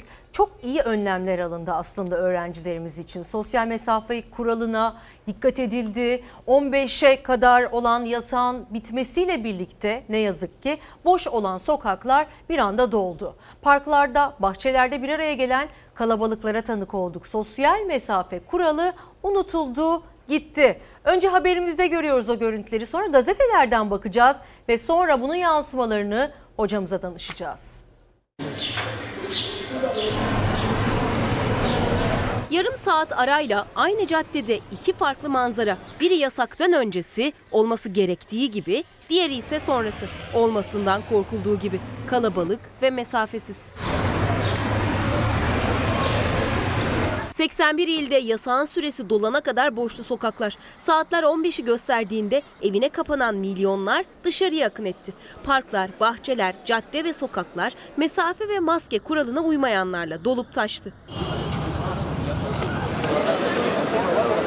Bunu en iyi anlatan görüntülerden biri Gaziantep'te Gaziler Caddesi'nde yarım saat arayla kaydedildi. İzmir Gazi Emir'de bir AVM'de çıkan kavgayı izleyen kalabalığın merakı koronavirüs bulaşma korkusundan ağır bastı. Sosyal mesafe kısa süreliğine de olsa unutuldu. İstanbul'da park ve bahçeler yasağın sona ermesiyle kısa sürede kalabalıklaştı. Maçka'da, Caddebostan'da, Zeytinburnu'nda ve Bakırköy'de manzara aynıydı. Giresun'da halkı sürekli virüs tehlikesine karşı uyaran ve kurallara uymaya çağıran jandarma daha fazla etkili olması umuduyla uyarı yöntemini değiştirdi. Anonslarını UNESCO'nun kültürel miras listesinde yer alan kuş diliyle yaptı. Kayseri'de yaşayan Hacı G ise Covid-19 testinin pozitif çıktığını yakınlarına sosyal medyadan duyurdu. Benimle görüşen varsa söylesin çağrısında bulundu. Arkadaşlar hakkınızı helal edin. Allah'a emanet olun. Hocam görüntüler böyle. Evet. Bir de gazete manşetlerine yansıyan Evet. fotoğraf karelerimiz var. Onları da hemen seyircilerimizle ve sizinle paylaşalım. Örneğin Milliyet gazetesinde velilerin notu sıfır olarak duyuruldu. Sosyal mesafe kuralının aşıldığını, okulların dışında aşıldığını görüyoruz. Ee, ve bir başka gazete gelsin. Cumhuriyet gazetesi mi geliyor? Cumhuriyet gazetesinde de e, sınav değil salgın zorladı başlığıyla duyuruldu. Evet öğrenciler için önemli önlemler alındı. Olabildiğince dikkat edildi. Ancak veliler için aynı şey geçerli değildi. Bir de okul önünde bir yani öğrenciler okula girdikten sonra aslında sosyal mesafe kurallarına uymaya başladı. Hmm. Okul önünde ne yazık ki yığılmalar gerçekleşti bazı okullarda. Cumhuriyet gazetesine baktık. Diğer gazetemizde de Bir Gün gazetesinde de virüs bu sınavı kolaylıkla geçer diyor. Acaba kolaylıkla geçer mi hocam? Evet, e, bunlar tabii e, sadece ülkemizde değil aslında bütün dünya ülkelerinde çok görmeye alışık olduğumuz görüntüler. Özellikle tabii ki sınav için gerçekten ciddi önlemler alındı. İşte trafiğin rahatlatılması anlamında e, ve e, sosyal mesafe anlamında özellikle kapalı mekanlarda bunlar alındı ama özellikle bu bekleme alanlardaki bu yakın temas Hı hı. e, gerçekten rahatsız ediciydi. Bunlar tabii ki bütün uyarılara, bütün önlemlere rağmen bu şekilde gerçekleşiyor. Fakat yine de şunu görüyoruz ki e, insanların çoğunda en azından %70'inde maske var. Bu bile aslında son derece pozitif bir şeydir, olumlu bir şeydir. Çünkü hiç kimsenin maske takmadığı bir duruma göre ciddi bir fark yaratır. Ki pazartesi gününden itibaren Zorunlu açık oldu. alanlarda da zorunlu, Zorunlu hale oldu. geliyor Evet. maske. Kesinlikle öyle. Şimdi bu sadece ülkemize özgü değil. Bir insan psikolojisidir aslında. İnsanların onlarca yıldır yaşadığı alışkanlıklar hakikaten ne kadar uyarılar da olsa, önlemler de olsa özellikle stres anlarında bir anda unutulabiliyor. Ee, ve bu sadece dediğim gibi ülkemize de özgü bir şey değil. Bugün İngiltere'de, Almanya'da, Fransa'da, Amerika'da da bizden çok daha kötü vaziyetler görüyoruz. Mitinglerle binlerce, yüz binlerce insanın Irkçı eylemlerde ırkçı eylemlerde, yarımşar metre mesafelerde, kavga görüntüleriyle Evet. inanın biz onlardan aslında çok daha pozitif bir noktadayız. Peki hocam bu Buna rağmen. fotoğraf karesinin sonuçlarını e, görür müyüz biz bir iki hafta sonra? Evet, e, bu bu konuda ciddi bir şekilde şüphe var, e, öyle bir endişe var daha doğrusu. Fakat biraz önce de söylediğim gibi e, özellikle maskenin e, %70-80 insanda, tamam belki bazıları takmamış olabilir ama büyük çoğunluk insanda oluyor olması bence koruyucudur. Ve e, çok da korkulacak derecede bir sıkıntı olacağını beklemiyorum açıkçası. Mutlaka sayıda bir artış olabilir Hı hı. ama korkulan seviyede olmayacağını tahmin ediyorum. Bir başka tıp doktoru Bülent Tutkuoğlu dedi Evet. ki %80 e, Tutluoğlu %80 burundan bulaşıyor dedi. Doğru. Çünkü baktığımızda sokaklarda evet maske var ama kimi çenesinde Evet. kimi sadece ağzını kapatarak e, dolaşıyor ama önemli olan burnumuzu kapatmak. Çok doğru. Ee, Bülent Tutluoğlu da benim e, değerli bir sınıf arkadaşımdır. Öyle çok mi? ağır bir hastalığı da atlattı. Bu Covid Geçmiş hastalığında olsun. çok ağır bir şekilde atlattı. Ee, bu arada e, söz açılmışken hakikaten babalar gününde özellikle e, baba olarak hayatını kaybeden sağlık Evet. personeline de başsağlığı diliyorum. Yakınlarına çok önemli bir e, süreçti. Bülent arkadaşımız da aynı şekilde o sıkıntıyı yaşadı. Şu anda çok sağlıklı. Dedikleri çok doğru. Zaten kendisi de bir e, göğüs hastalıkları uzmanı olarak solunum problemleriyle çok yakından ilişkili. Gerçekten de virüsün en fazla e, giriş yeri burundur Burnumuz. aslında. Yani tabii ki solunum yolundan bulaşan bir virüstür ve burun da aslında bir solunum organıdır. Daha ilk baştaki solunum organımızdır. Dolayısıyla virüsün en fazla giriş yaptığı yer vücudumuza burun. Bu zaten yapılan araştırmalarda da çok net bir şekilde ortaya çıktı. Dolayısıyla maske burunu mutlaka korumalı. Ee, bunu tabii ki insanlar bir süre sonra sıkılarak e, indiriyorlar. Sadece çene moduna geçiyorlar ama bunu bir kez daha vurgulamak lazım. Burunu mutlaka kapatmak Evet gerekiyor. yani maskeyi ağzımızı kapatacak şekilde kullanmamız aslında Yeterli çok da bir değil. şey ifade Çünkü etmiyor. yani gerçekten de belki rakamsal olarak söylersek daha etkili olabilir. Virüsün %70-80'i burundan girer. Ee, Evet. O çok önemli bir şey. Dolayısıyla koruyacaksak esas burnumuzu korumalıyız. Evet fiziki mesafe sınavdan geçemedi diyerek duyurdu Evrensel Gazetesi Evet de. ama yine görüyoruz ki insanların Hı büyük hı. çoğunluğu maskeli Evet. ve bir de açık ortam. Ya bu iki faktör nedeniyle Hı hı. ben o endişeyi yaşamıyorum açıkçası. Yani bu sınav e, bu kadar abartılı bir e, şey vermeye de e, korku vermeye de gerek yok diye Hı hı. düşünüyorum. Belki biraz artabilir ama gerçekten de şu tablo hem açık hava olması hem de Hı hı. e, çok maske olması çok insanda bu bahsedilen endişeyi bence çok haklı göstermiyor. Açık hava dediniz. O Evet. zaman şu anda aslında bulunduğumuz yaz tatili döneminde insanların en çok merak ettiği konuya gelmek Evet. istiyorum. Tatil görüntülerimiz de gelsin. Tamam. Belki biraz da gözümüz gönlümüz açılır hocam. Evet. Şimdi insanlar tatile gidecekler. Açık havada Evet. virüsün aslında yayılma hızının daha düşük olduğunu biliyoruz. Çok doğru. Sizin de belirttiğiniz gibi. Ama en çok merak edilen şu. Havuzda, denizde virüsün bulaşma risk oranı acaba yüzde olarak belli midir? Evet. Bir kere e, havuzda ve denizde virüsün bulaşma ihtimali sıfıra yakın diyebilirim. mi? Tabii. Yani kesinlikle bu iyi bir haber olarak söyleyebiliriz bunu. Tabii ki e, dediğim gibi solunum yoluyla bulaşan bir e, hastalık olduğu için yine oradaki yakın temas yani yarım metre mesafede, bir metre mesafede insanların alt alta üst üste bir arada olması mutlaka ki etkiler. Ama denize girmekle havuz suyundan ya da e, burnuna kaçtı, ağzına kaçtı, suyun kaçmasıyla asla bulaşmaz. Yani aynı denizi paylaştığımız insanların e, Hasta belki- olması Hı hı. e, virüsün bulaşmasını sağlamaz. Hı hı. E, denizden ya da sudan bulaşma diye bir şey söz konusu değildir. Ya da oradan insan suyu yutsa oradan bulaşır mı? Böyle bir şey söz konusu değil. Ama hocam hepimizin psikolojisi bozuldu. Evet. Şimdi denizden bulaşmıyor ama insanoğlunun aklına şu geliyor. Örneğin benim aklıma şu anda geldi bu. Evet. Ben denizimden çıktım.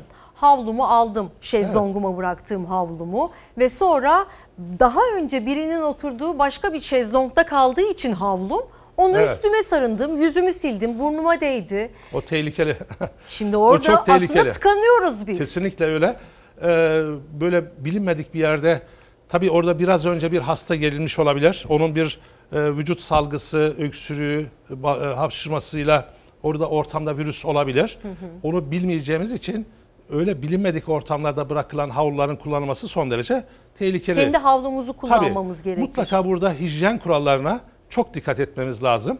Dediğim gibi deniz, havuz, e, sudan bulaşmadığı kesin ama bir yakın temas, Hı hı. yakın mesafe zaten olmamalı. Ama aynı zamanda bu havlu ve diğer hijyen e, malzemelerinin de son derece güvenli ve e, sadece kişiye özgü olarak e, kullanılması şart. Yani bunlara Belki dikkat etmemiz lazım. Yüz havlumuzu da ayırabiliriz Kuşkusuz. örneğin değil mi? Bütün kullanılan e, kişisel malzemelerin e, ayrı olması ve çok temiz koşullarda olması şart yani. O e, çünkü e, bir anlık oradaki gevşeme, bir anlık bir rahatlık hakikaten ciddi bir bulaşmaya yol açabilir. Çünkü biz e, bu hastalıkta şunu da biliyoruz ki denize gelen hasta veya e, havuza gelen insanlar hasta gibi görünmeyebilirler. Hı hı. Herhangi bir belirtileri olmayabilir. Yani biz onlara asemptomatik diyoruz ama virüs taşıyor olabilirler yani. İnsan virüsü kapmıştır e, ama hiçbir belirtisi yoktur. Bu asemptomatik e, grup dediğimiz insanlar bunlar da çok ciddi bulaştırıcı. Taşıyıcı Çok- olarak taşıyıcı nitelendiriyoruz, Tabii değil tabii mi? tabii. Taşıyıcı olarak nitelendirdiğimiz bu insanlar esas zaten tehlikeli olan bunlar. Çünkü öksüren, aksıran, hasta olduğu belli olan insanları zaten e, bir Anlıyoruz. şekilde korunmaya alınıyor veya insanlar önlemini alıyor. Ama bu asemptomatik taşıyıcı dediğimiz grup işte havuza da gelir, denize de gelebilir ve bunlardan bir bulaşma ortaya çıkabilir. Dolayısıyla biz aslında herkesi hasta kabul etmemiz lazım. Böyle bir mantık aslında burada Hı hı. yaşamak lazım. Yani Ben hasta olabilirim şu anda. Siz de Evet, hasta olabilirsiniz. kesinlikle. Aramızda bir metre Mutlaka. mesafe yani olmak herkesi zorunda. potansiyel olarak bir hasta kabul etmemiz lazım. Ve herkesin de o anlamda e, işte dediğim gibi maskesini zaten kapalı mekanlarda şart o anlamda zaten şart. Ama açık mekanda deniz havuz ortamında da yine bu e, mesafeyi koruyarak e, gitmek lazım. Hocam siz e, bir kalp cerrahısınız Evet. ve hayatınızın çok büyük bir bölümü yoğun bakımlarda Doğru. geçiyor. Özellikle hastalarınız risk grubunda. Eminim ki size çok fazla soru geliyordur ve onlar için de alınması gereken önlemleri en iyi bilenlerden birisiniz. Çok doğru. Ee, siz bu süreçte Covid-19'la mücadele sürecinde hastanede yaptığınız mesai acaba size ne gösterdi? Biz şu anda hangi durumdayız? Evet. Nereden nereye geldik? Hatta arkada da dünkü sonuçları da görmüş Hmm, olalım. doğru. Ee, nereden nereye geldik dediğimizde e, vaka sayısı şu anda iyileşen sayısının henüz yüz üstüne çıkmadı yeniden. Çıkmadı. İyileşen sayısı Ee, fazla. Ama tabii ki 900'lü rakamlardan Tabii değiliz, 1200 evet. küsürlü rakamlara 700'ler, gelmemiz evet. kötü bir durum. Doğru. Peki siz neler anlatacaksınız? Ee, şimdi- gözlem olarak. Evet, gözlem olarak e, şöyle bir kere e, yoğun bakımdan e, başlamak gerekirse bir kalp cerrahı olarak e, biz bu işin neresindeyiz? Çünkü e, çok branş hekimi bu konuyla ilgili fikir Hı hı. beyan ediyor, konuşuyor. Bunun bir altyapısı var mı, bir gerekçesi var mı konusu çok önemli. Şimdi biz biliyoruz ki bu Covid dediğimiz hastalık bir sadece bir enfeksiyon hastalığı değil. Sadece bir virüs enfeksiyonu değil. Bu aslında e, aynı zamanda bir enflamatuar da bir hastalık. İki aşamadan oluşuyor. Önce virüs bünyeye giriyor. 5-6 gün 7 gün süren bir enfeksiyon dönemi vardır. O dönemde hücrelerde yayılıyor. Bir grip virüsü gibi ya da başka bir virüs gibi. Anlamıyoruz biz o Hiç onu esnada. anlamıyoruz. O dönemde çok fazla ufak tefek şikayetler oluyor. Öksürük, biraz ateş falan veya vücut kırgınlığı, ağrılar. Hı hı. Bu enfeksiyon safhasıdır. Fakat ondan sonra esas hastalığın enfeksiyon dışında Evet. enflamatuar safha dediğimiz iltihabi bir safa başlıyor. Bu safa işte virüsün kendisi değil ama bağışıklık sisteminin e, vücut hücrelerine karşı oluşturduğu bir saldırıdır. Evet. E, o safhadır.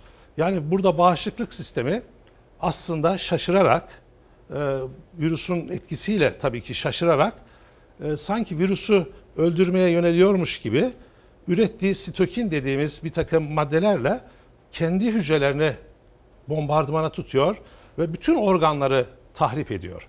Evet. Dolayısıyla bu esas hastalığı yaratan olay, bu Covid dediğimiz hastalığı yaratan olay bu enflamatuar safhadır aslında.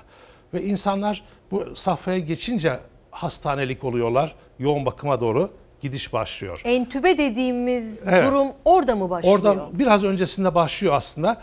Özellikle akciğerlerde ve kalpte, böbreklerde, Hı hı. bazen beyinde ciddi harabiyet yapıyor bu bağışıklık Hasar sistemi. kalıyor. Yani iyileştikten sonra da Onu mı? daha geleceğim oraya. Hı hı. Ee, şimdi bu e, yapılan bu saldırı sonucu kalp e, yetersizliği, e, akciğer hastalıkları ortaya çıkıyor. Özellikle akciğerde hava kesiciklerinin içerisinin sıvıyla, iltihabi sıvıyla dolması ve aynı zamanda o kesiciklerin etrafındaki kapiller damar, kılcal damarların içinin büzüşerek yeterli kan dolaşımının olmaması gibi sebeplerle vücuda oksijen giremiyor. Havadaki oksijeni vücuda alamıyoruz bu akciğer problemi nedeniyle.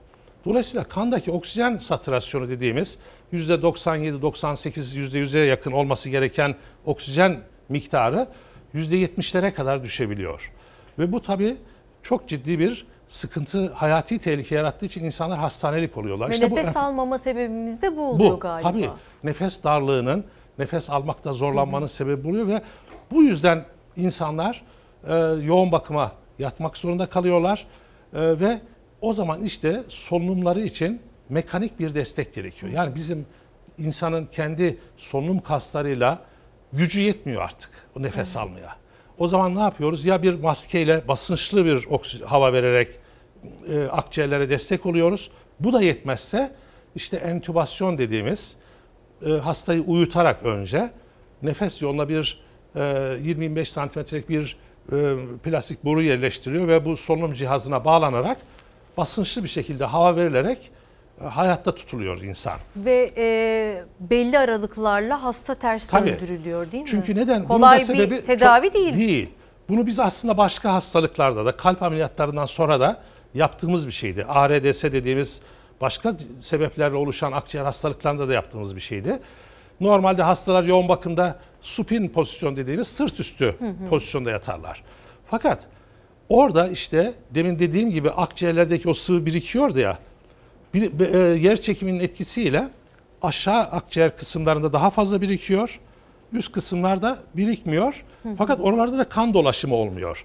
Dolayısıyla solunumla dolaşımın uyumsuzluğu gibi bir durum ortaya çıkıyor. Bu daha da kötüye götürüyor insana. Ama biz yüzüstü yatırdığımızda prone pozisyon diyoruz ona. O zaman bu akciğerlerdeki sıvı birikmesi daha da dağılıyor. O yer çekimiyle daha alt kısımları onlar dağılıyor. Dolaşım biraz daha düzeliyor ve bunun çok faydası olduğunu görüyoruz. Peki entübeye girmiş bir vaka için e, yaşama oranı yüzde kaçtır acaba? Evet, entübasyon hakikaten e, yaşam oranını ciddi bir şekilde azaltan Hı hı. çok büyük bir tehlikeli bir dönem olduğunu gösteriyor. Aslında entübasyon tehlikeli değil. Entübasyon hayat kurtarmak için yapıyoruz. Ama e, entübe etmesek yüzde yüz hayatını kaybedecektir o insan.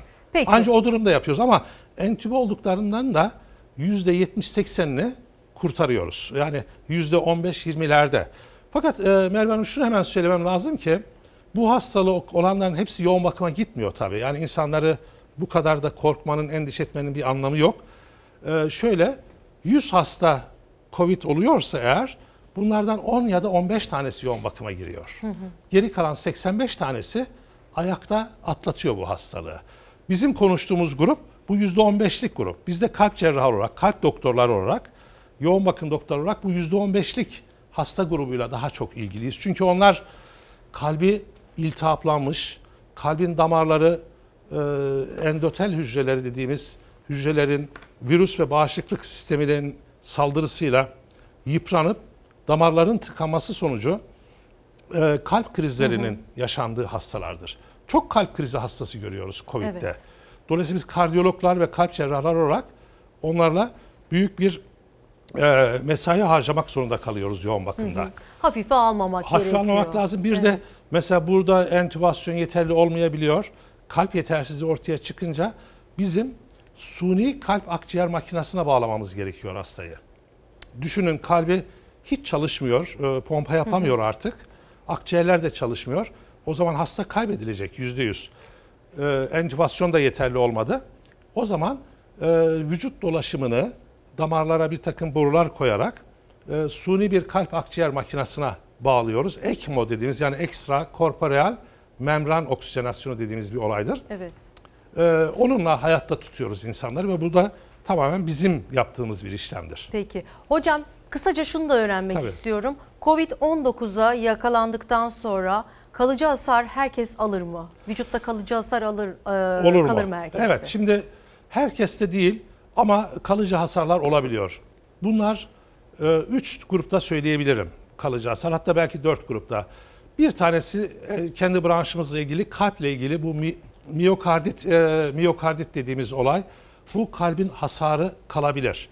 İkincisi akciğerlerdeki hasar bazı insanlarda kalıcı olabilir. Üçüncüsü beyin damarlarında tıkanma yapıyor bazı insanlarda. Felçler oluşuyor. Bu felçler tabii ki kalıcı olabilir. Yine yoğun bakımdaki süreç uzadığı için insanlarda bazı COVID hastalarında böbrek yetersizliği oluşuyor ve bunlar hayat boyu diyaliz hastası olabiliyorlar. Evet. Dolayısıyla bu dört organla ilgili de kalıcı hasarlar olabiliyor COVID'de. Peki hocam şimdi son olarak da şunu sormak istiyorum. Örneğin dışarıdan bir yemek sipariş ettim ben dün. Evet. O kadar şüpheye düştüm ki kendi kendime hemen o paketi dışarıda attım. yani hazırlayacak zamanım yoktu. Ev yemeği tüketmeye çalışıyoruz çoğumuz bu süreçte. Tabii, tabii. Ama e, şüphe oluyor insanda. Ya da ne bileyim su sipariş ettiğimizde damacanayı duşa sokup yıkamaya devam Evet. ediyoruz hala. Doğru. O e, gibi ürünlerden, dışarıdan gelen ürünlerden bulaşma riski yüzde kaçtır acaba? Evet, e, bunlar da tabii insan yaşamı içerisinde çok rastlanan olaylar olduğu için çok sorulan bir konu. Ben açıkçası kapalı ortamlarda restoran, kafe gibi yerleri asla tavsiye etmiyorum. Yani gitmeyelim birkaç ay daha. AVM'lere de gitmeyelim yani birkaç ay daha. Bu kadar tehlikeli hastalıklardan bahsediyoruz. Herkesin evinde yemek yapması, e, AVM'lerden uzak durması, kapalı mekanlardan uzak durması son derece önemli. Evet. Ama eve bu şekilde geldiğinde de gerçekten getiren insanın hasta olup olmadığından emin olamayız yani. 5 dakika önce Belki poşeti tuttu, Tabii, hastaydı. belki öksürdü, aksırdı bilemiyoruz o da. Dolayısıyla bunları da minimalize etmemiz lazım bizim. Isıtıp yiyin diyorlar. Ee, Pakete atıp. Paket tabii paketin içeri içeriğinde bir şey olmaz kuşkusuz. Yani kapalı bir ortamda geldiği için ama o dış e, paketinde sıkıntı olabilir. Bence o tip e, şeylerde mümkün olduğu kadar en az seviyeye indirmekte fayda var. Evet. Dışarıdan siparişleri de. Hocam şimdi dışarıda yemek yemeyelim diyoruz da e, ekonomik anlamda da esnaf çok zor durumda. Aa, evet, bir de var. baktığımızda. bir de işin öteki tarafı var. Aslında şu anda bizim yeni normale dönüşümüzün en büyük sebebi bu. Çok doğru. Biz nasıl bir muamma içerisindeyiz bilmiyoruz ama ne kadar sürer acaba bu durum? Evet şimdi e, bu, bu soru hemen arkasından ikinci dalga gelecek mi Evet. sorusuyla e, paralel. E, ne kadar süreceğini kimse bilmiyor açıkçası. E, bir kere şunu söyleyebilirim ki e, biz henüz daha bu salgını kontrol edemedik. Hı hı. Kimse zaten Dünyada da yükseliyor. Dünyada da tekrar bir yükseliş içerisinde. Şimdi gerçekten bazen bir dezenfor- dezenformasyon ekibi var, var maalesef. Sanki sadece Türkiye'de yükseliyormuş gibi. Sanki bakanlık hiç önlem almadı. Gereksiz e, şeylerle sanki sadece Hı hı. Türkiye'de bu artıyormuş gibi Dünyada. gözüküyor ama dünyada böyle. Evet. Bütün dünyada ciddi bir artış var tekrardan. Çünkü neden? İnsanların bir anda normaline dönmesiyle ilgili bu hadise. Dolayısıyla biz henüz daha salgını kontrol edemedik Evet.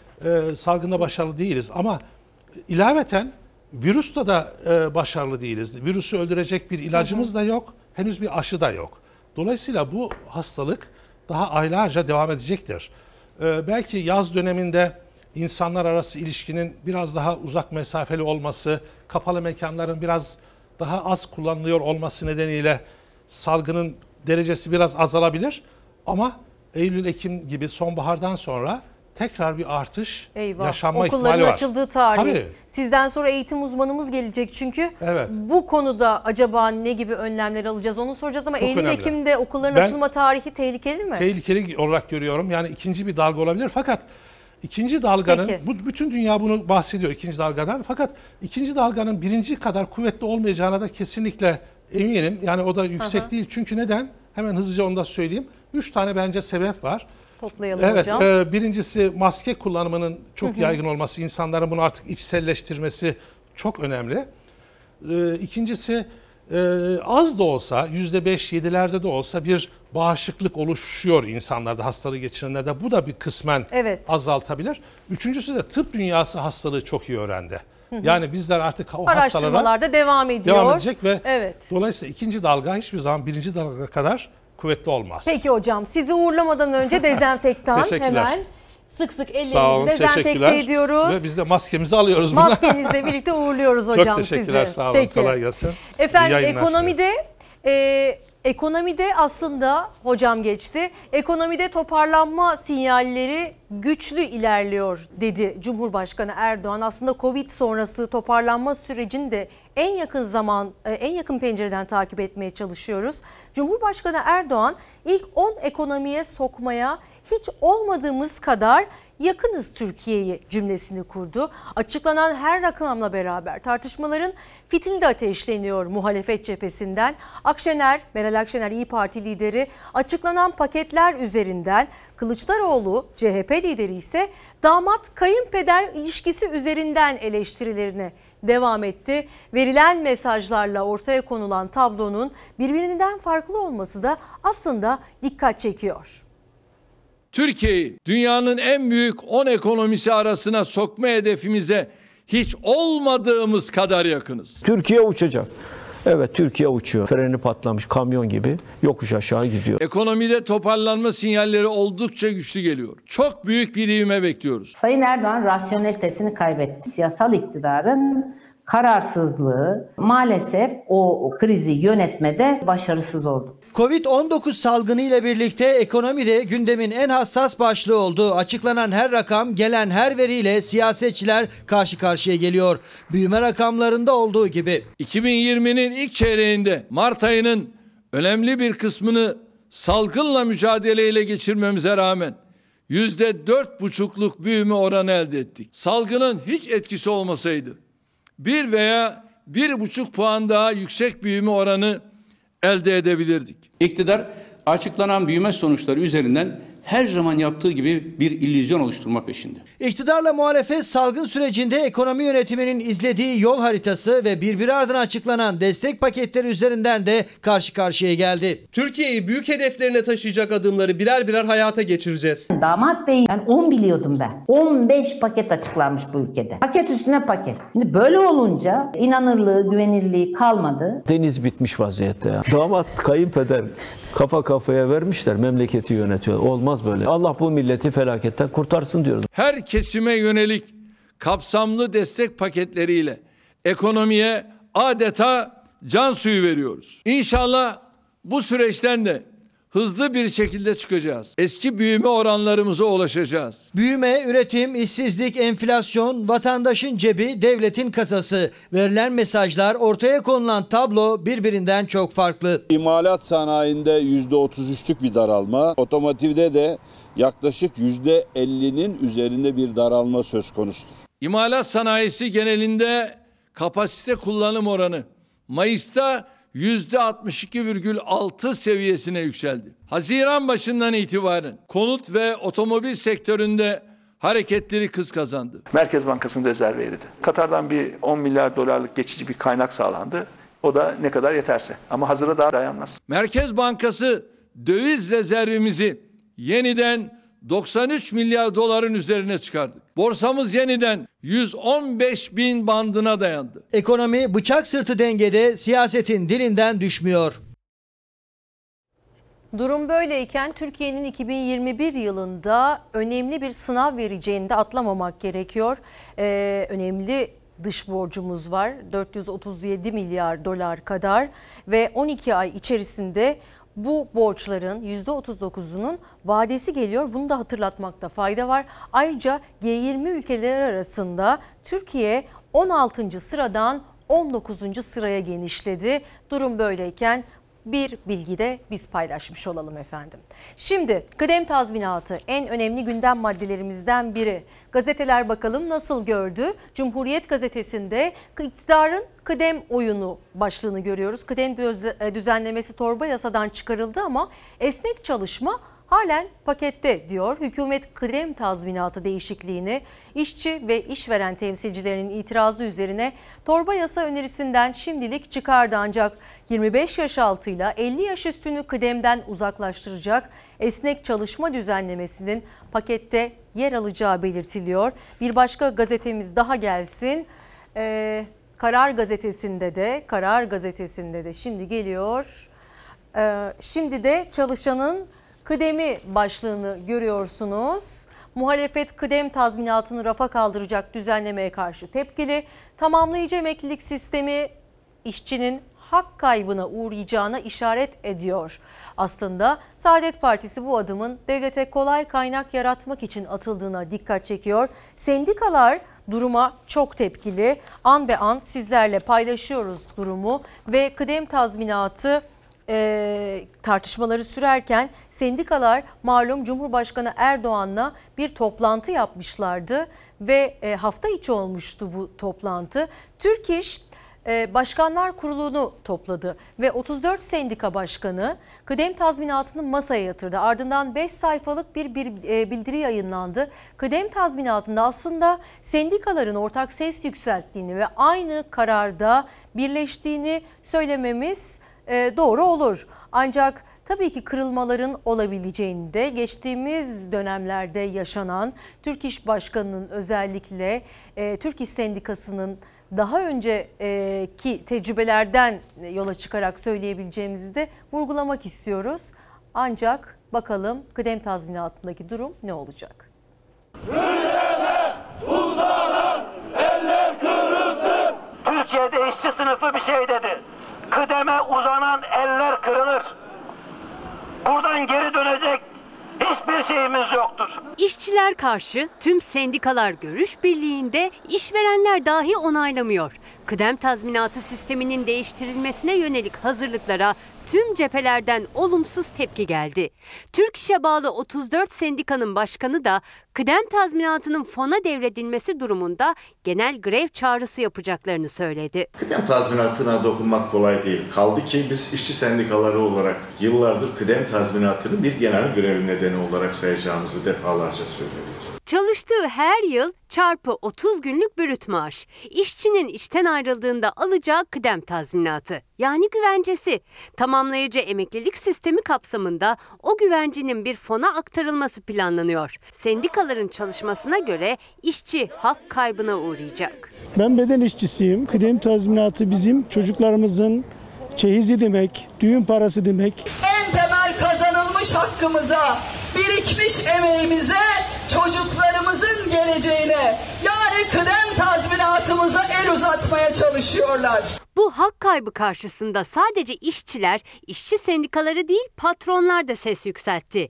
İşverenleri temsilen TOP Başkanı'yla Türk İş ve Hak İş Başkanları hafta içinde Cumhurbaşkanı Erdoğan ve Çalışma Bakanı ile bir araya geldi ancak uzlaşmaya varılamadı. Hem işçimiz için hem işverenimiz için çok sağlıklı bir yöntem olduğunun anlaşılacağını düşünüyoruz. Kıdem tazminatı işçinin alın terinin tek güvencesidir diyen sendikalarsa kararlı. 34 sendika başkanı Türk İş Başkanlar Kurulu'nda bir araya geldi. Görüşmenin ardından teşkilatlara 5 sayfalık değerlendirme notu gönderildi. Notta planlanan fon çalışma hayatının huzurunu bozdu denildi. Türk İş'in kıdem tazminatının fona devredilmesi, süresinin azaltılması gibi bu hakkın tasfiyesine ya da zayıflatılmasına yönelik her türlü girişimin karşısında cevabı genel grev olacaktır. Bilgi notunda yeni sistemle işverenin yanı sıra işçiye de kıdem için prim ödeme yükümlülüğü getirileceğine, böyle bir durumda da maaşından her ay prim kesilecek işçinin zaten düşük olan maaşının daha da düşeceğine dikkat çekildi. SGK primlerini bile ödemeyen işveren test primlerini ödemeyecek. Kayıt dışılık artacak. İşveren maliyeti azaltmak için daha az işçi çalıştırmayı hedefleyecek. Böylece istihdam azalacak, işsizlik artacaktır. Türk İş'in Kon- Konfederasyonu'nun genel kurullarında alınmış kıdem tazminatına dokunmak genel grev nedenidir adlı kararlara sonuna kadar bağlı olacağız. Gelecekteki çocuklarımıza ait olan bir haktan vazgeçmeye asla izin vermeyiz. Tabii insanların alım gücünün de ne denli düşmüş olduğunu tartışmaya gerek yok diye düşünüyoruz. Ee, özellikle Covid sonrası işsiz kalanlar ya da çalıştığı halde para kazanamayanları da dün sizlerle paylaşmıştık. Aynı şey genç işsizlik oranlarında da geçerli. Ne eğitim gören ne de çalışan e, maalesef ki çok fazla gencimiz var ve Türkiye OECD verilerine göre şu anda dünyada birinci ülke.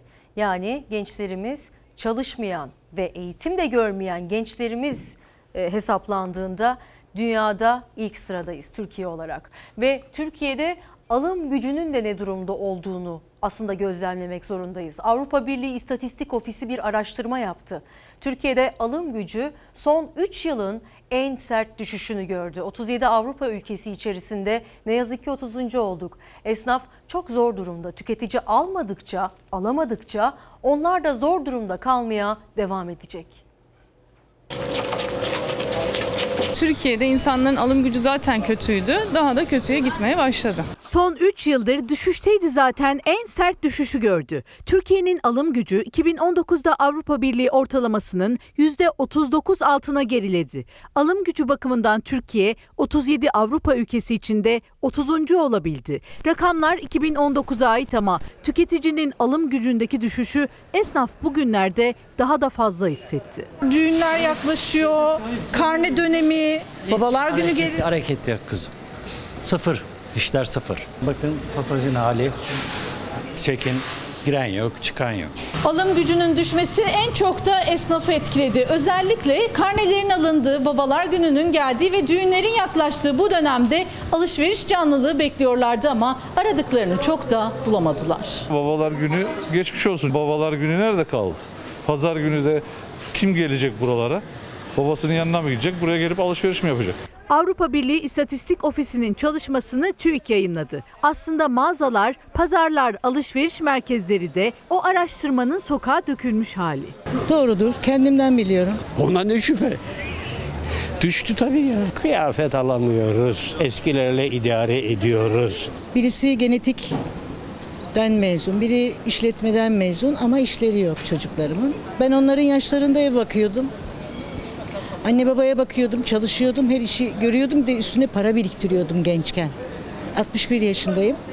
Ama o çocuk, şimdi çocuklarımın öyle bir şeyi yok. Her şeyde yiyecek konusunda, giyecek konusunda, çocuklarımızın ihtiyacı konusunda, okul masrafları konusunda her türlü şeyde bu hissediliyor. Yani en ufak bir e, kıyma almaya kalksam bile onda hissediliyor yani. Tüketici alamadıkça esnaf daha da zor duruma düşüyor. İlk olarak istihdama yansıyor bu durum. Yeni işsizler, yeni gelirsizler oluyor ve tüketim daha da düşüyor.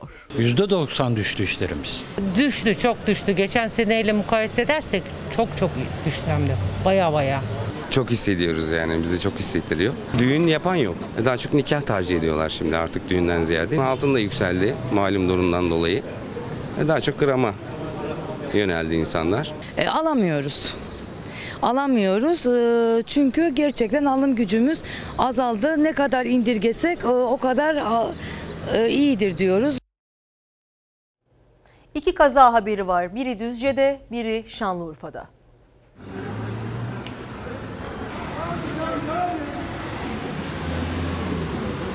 İtfaiye aracı hızla üzerine geliyordu. O ağaç gibi aracın altında kalmaktan son anda koşarak kurtuldu. Düzce'de yaşandı yürekleri ağza getiren kaza. Yangın ihbarı alan itfaiye ekipleri hızla yola çıktı. Tam sokaktan caddeye dönecekleri sırada önlerine bir araç çıktı. Hızını alamayan itfaiye aracının şoförü önce o araca çarptı ardından direksiyonu kırmaya fırsat bulamadan kaldırıma yöneldi. O sırada kaldırımda yürüyen bir adam geliyorum diyen kazadan koşarak kaçtı. İtfaiye aracı ise bir ağacı devirdikten sonra durabildi. Bu görüntülerse Şanlıurfa'dan kamyonet sürücüsü aracını bir iş yerinin önüne park etti. Yanında iki de çocuk vardı. Tam durduğu sırada araç alev aldı. Sürücü ve çocuklar kendilerini can havliyle aşağı attı. Çevredekiler alevlere hızla müdahale edip büyümeden söndürdü. Özellikle öğrenciler, veliler dün liselere geçiş sınavının en e, ilk maratonunu tamamlamış bulunmaktayız ülke olarak. E, ikinci blokta yani üçüncü blokta reklam dönüşü müthiş bir uzmanımızı ağırlayacağız. Eğitim uzmanı Müjdat Ataman bizim için burada olacak. Hem Eylül ayında okulların kapanması ya da kapatılması halinde online eğitim konusunda konuşacağız. Hem liselere geçiş sınavı konusunda hem üniversite sınavı konusunda çok danışacağımız konu var. Sorularınızı şimdiden yazabilirsiniz. Merve İldirim TV Twitter ve Instagram'dan muhakkak ki ekran başında olmanızı tavsiye ediyoruz. Onun dışında başka haberlerimiz de var. Birlikte olmaya devam edeceğiz efendim. Saatlerimiz 10.26'yı gösteriyor. Değerli bir konuğumuz var. Ona tüm merak ettiklerinizi sorabilirsiniz. Ee, hem eğitimci hem yazar olarak Müjdat Ataman bizlerle. Danışacağımız çok konu var hocam size. Ama öncesinde dün sabah liselere geçiş sınavındaki ilk maratonda neler yaşandı buna göz atmak istiyoruz. Öğrenciler koronavirüs önlemleriyle sınava girdi. Sınava giriş anlarını sizlerle paylaştık. Aralıklarla maskeleriyle girdiler okullara. Sokağa çıkma kısıtlaması uygulandı. Yani tedbirler yerindeydi. Ancak onları bekleyen, kapıda bekleyen veliler için aynısını söyleyemiyoruz. Çünkü bazı okullarda manzara böyleydi. Bu arada sınavda neler yaşandı, sorular nasıldı, bundan sonraki süreçte nasıl olacak bunu da konuşmuş olacağız birazdan. Fazla yanaşma yavrum. Mesafeyi ayarlayalım diye duymuyor musunuz siz beni? Sınav heyecanımız salgın stresi mi? İkisi de aslında çünkü hani iç içe geliyoruz böyle herkeste kimde olduğu belli değil ve sınav stresi de böyle basıyor yani ya- yapamazsam başaramazsam.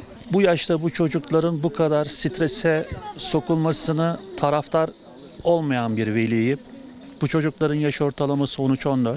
Öğrenciler de veliler de endişeliydi. Türkiye'de salgın döneminde yapılan liseye geçiş sınavında öğrenciler için tedbirler en üst düzeydeydi. Ama veliler belli ki sınav heyecanına yenik düştü. Bazı yerlerde sosyal mesafe hiçe sayıldı. Sosyal mesafe. Öğrenciler sosyal mesafeye dikkat ediyorlar ama veliler için aynı şeyi söyleyemeyeceğiz. Öğrencisine yemek ulaştırmaya çalışan veliler şu an biraz yakın temastalar. Covid-19 pozitif olan öğrencilerin ayrı okullarda girdiği sınava Türkiye genelinde yaklaşık 1 milyon 600 bin öğrenci katıldı. Türkiye'nin en yoğun katılımlı liselere geçiş sınavı olarak geçti kayda. Koronavirüs salgınıyla yoğun katılım birleşince hem görevli hem de sınav salonu sayısı iki katından fazla arttırıldı. Sınıflarda sosyal mesafe korunmaya çalışıldı. Bu şartlar altında gelmek ister miydin okula? Aylardır okula gelmiyorsunuz Tabii ki de çünkü. gelmek istemezdi. Hiç kimse gelmek istemezdi. Ee, bu pandemi sürecinde ya çok kötü oldu. Dışarı çıkamıyorduk. Hep evdeydik. Bu kadar öğrenci iş sınava girecekler bu hastalıklar. Madem bu hastalık var niye yasak ediyorlar? Bu yasaktan dolayı bu sınavı yapacaklar. Bence yanlış bir şey. Saat 9 itibariyle öğrenciler sınav salonlarına alınmaya başladı. Onlar sınav heyecanı yaşarken velileri dışarıda hem onlarla aynı heyecanı taşıyor hem de salgın endişesi yaşıyor. Saat 9.30'da başladı öğrenciler sınava. Dezenfektanlar, maskeler, eldivenler ve koruyucu tulum içindeki görevliler karşıladı onları. Bir de Covid-19 hastası olan öğrenciler vardı. Sınava girecekleri okullara ambulansla getirildiler. Sınıfta yalnızdılar. Gel hoş geldin. Onlar için önlemler en üst düzeydeydi ama risk grubundaki öğrenci velilerinin içi rahat değildi. Kendilerini teselli edecek, güven veren bir çözüm beklediler ama o çözüm bulunamadı. Benim kızım tip 1 diyabet. Öncelikli risk grubunda olan bir çocuk. Ee, tüm yazışmalarımızı, resmi işlemlerimizi yaptık. Bununla ilgili müdür beyden bilgi almaya çalışıyorum. Mesela tek kişilik sınıfta girebileceğini söylemişlerdi. Ama öncelikle risk grubunda olduğu halde şu an e, kalabalık sınıfın içerisinde. Sülün çantası onun için sıkıntı olacak. Hayır hayır onlara bizzat ben ilgileneceğim. Siz merak etmeyin. 75 dakikalık ilk oturumda 50 sözel sorusu cevapladı öğrenciler. 45 dakikalık aranın ardından 40 soruluk sayısal alan sınavına girdiler. O 45 dakikalık arada veliler öğrencilerini görebilmek ve onlara yemek verebilmek için izdiham oluşturdu. LGS'nin birinci oturumu tamamlandı. Öğrenciler ara için yavaş yavaş çıkmaya başladılar ama sosyal mesafeye dikkat ederek teker teker çıkıyorlar.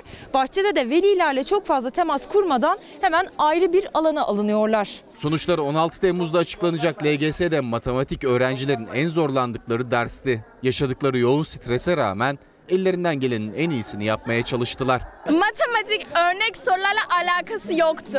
Biraz zorlandık. Sözel kolaydı ama fen de böyle çok zorlamadı. Feni kolaydı ama matematik kesinlikle daha zordu. 3 ay kadar okula gidemediniz. Onun etkisini hissettiniz mi sınavda? Evet kesinlikle vardı. Sonuçta okula gitseydik daha farklı bir eğitim alacaktık. Onun etkisini çok fazla gördüm ben. 16 Temmuz'da sonuçlar açıklanacak liselere geçiş sınavı için. Önümüzde bir de YKS sınavı var ama bugün biz liselere geçiş sınavını LYS'yi konuşalım istiyoruz. Tekrar hoş geldiniz. Tekrar hoş bulduk. Öğrencilerimiz gerçekten talihsiz bir sürece denk geldiler. Hem yoğun stres altında soruları cevapladılar hem de aslında 4 artı 4 mağdurları Doğru, diyebileceğimiz evet. bir kitleden bahsediyoruz. Siz bunu nasıl yorumlarsınız? Ee, yani 1980'lerde biz de Anadolu Lisesi sınavlarına giriyorduk. Hatırlıyorsunuz. O bir şey değişmedi. Seçmek için sınav yapıyoruz. Yerleştirmek için sınav yapıyoruz. Ama bu seçimler iyice zorluyor. Çünkü aslında küçük bir azınlığı e, belli kadrolara, belli yerlere yerleştirmeye çalışıyoruz. Geriye kalan çocukların ne olacağını kimse konuşmuyor. E, bu grup 4 artı 4 mağduru dediğiniz grup sizin de söylediğiniz gibi. Bunlar üniversiteye girerken ne olacak onu merak ediyorum. Çünkü başlarına gelmeyen yok. Çünkü birinci sınıfta farklı yaş gruplarla, farklı aylarla okumaya başladılar. Bu da şöyle bir şey. 66, siz 60 aylıksınız. 72 aylık bir öğrenciyle beraber birinci sınıftasınız. Siz bilişsel ve duysal olarak gelişmişsiniz ama diğer çocuklar henüz o yeterlilikte değil. Şimdi doğal olarak siz düşünüyorsunuz. Demek ki ben iyi değilim, başarılı değilim. O başarısızlık damgasını yani akademik benlik algısını doğal olarak vuruyor. Ve demoralize oluyor çocuklar. Tabii ki ben başarılı değil miyim noktasında gidiyor. Ve onlar işte e, dün yani sınava girdiler. E, ve bu sınav onlar için iyi bir okula geçişin e, bir anahtarı olarak gözüküyor. E, o 80'lerdeki arşiv videolarına baktığınızda da bir öğrenciyle röportaj yapılıyor. Şey diyor, geleceğim güzel olsun diye buraya giriyorum. Yani e, evet merkezi sınav önemli ama bu merkezi sınav şimdi çocukları seçmek için doğal olarak zorlamak zorundasınız. Bir de biliyorsunuz birinci dönemden sorular vardı bu sınavda. Yani ikinci dönemdeki konular dahil Ve edilmedi. geri kaldılar aslında. Geri kalmadılar çünkü o dönüm e, o bölüm kabul edilmedi. Sadece gittikleri dönemden sorular Unutmuş çıktı. olamazlar mı? Nasıl? Bilgi taze değildi ama. Bilgi taze değil ama tekrar vardı. Ama bu da şöyle bir sıkıntıya yol açtı. Doğal olarak soruları derinleştirmek zorundasınız. Şimdi ben eğer 10 kişiden bir kişi seçeceksem diğer 9'unu elemek zorundayım. Bu elemenin yöntemi de seçici sorulardan geçiyor. Seçici soru demek çeldiricisi güçlü soru demek. Bu da zorluğu artırıyor. Mesela dünkü sorulardan bir fen bilgisi sorusuna ben bakıyorum. O bana bakıyor. Soru bana yok ya hiçbir şey yok. E, iki tane fen bilgisi öğretmene sordum. Ne diyorsunuz? Ya dediler çok üst düzey ve gereksiz. Yani 8. sınıfta çocukları bu kadar konuların içerisine almaya ve e, bazı öğrenciler bir yere yerleşsin, daha iyi okullara yerleşsin demeye gerek yok. E, bir de bu pandemi de vurdu bu öğrencileri. Evet. E, bir de sınav tarihi netleşmedi. Çocukların psikolojileriyle oynadık Peki açıkçası. olmasaydı olmaz mıydı bu Olurdu. sınav? Olurdu. Yani en azından 3 ay ötelenebilirdi. Şu söylenebilirdi. Ya biz şu anda 3 ay öteliyoruz. Ama bunun da tehlikesi var. Şimdi Milli Eğitim Bakanlığı karar alırken de çok zorlanıyor. Bu da bir başka e, sorunu yol açıyor. Şimdi siz habire çalıştınız. Geldi aylardan Haziran. Sonra birisi diyor ki siz aslında Eylül'de gireceksiniz. Ne oldu şimdi? Siz hani yaz tatili bekliyordunuz. Yazdığınıza gidecektiniz anneannenizin yanına. Bir anda yeniden strestesiniz ve çalışmak zorundasınız. Yani zaten Milli Eğitim'in en zor işi karar alırken bu işi zorlaştırması. Buna bir örnek. Bir ara şey dediler ya sporla, sanatla uğraşan çocuklara ek puan verelim. Bu çocuklar e, girecekleri okullara e, destek olsun dendi. Tabii doğal olarak bir anda herkes sertifika vermeye başladı. Spor sertifikaları, sanat sertifikaları. Yani bir şey kararını alırken bir başka değişkenle sorun yaşamaya başlıyoruz. Evet mesela Milli Eğitim Bakanı'nın bir açıklaması vardı e, eleştirilmişti hatta E, zorunlu bir sınav değil istemeyen girmeyebilir diye. Aslında şöyle de özetleyebiliriz %10'luk bir kesimi öğrencilerin bu sınavda istedikleri okula giriyor, nitelikli okullara giriyor ama geriye kalan %90'lık e, bölüm mahalle okuluna gitmemek için aslında bu sınava giriyor bildiğimiz kadarıyla. Peki O geriye kalan çocuklar için, öğrenciler için eşitsizlik olmuyor mu? Şimdi eşitsizlik başta başlıyor. Şimdi sizin e, cümlelerinizden bir sözcüğü cımbızla alıyorum. Nitelikli okula giriyor. Bu talihsiz bir açıklamaydı. Şimdi bir okula nitelikli dediğinizde diğer okulları niteliksiz yaparsınız. Ama görünen şu ki e, kimi eğitim öğretim kurumları tercih ediliyor. Neyle tercih ediliyor? Kültürüyle tercih ediliyor, verdikleri eğitim içeriğiyle tercih ediliyor. Kimileri de tercih edilmiyor. Evet Milli Eğitim, Eğitim Bakanı açıkladığı gibi bu sınav mecburi değildi. Ama %85'e yakın öğrenci grubu girdi bu sınava. Çünkü kimse mahallesinde gitmek istemediği okula gitmek istemiyor. Evet. Herkes çocuğunun daha iyi eğitim alabileceğini düşündüğü bir okula göndermenin telaşı içerisinde. Bu anlaşılabilir bir telaş. Ama burada bizim bakmamız gereken, eğitim politikaları üretenlerin bakması gereken bu aradaki fark.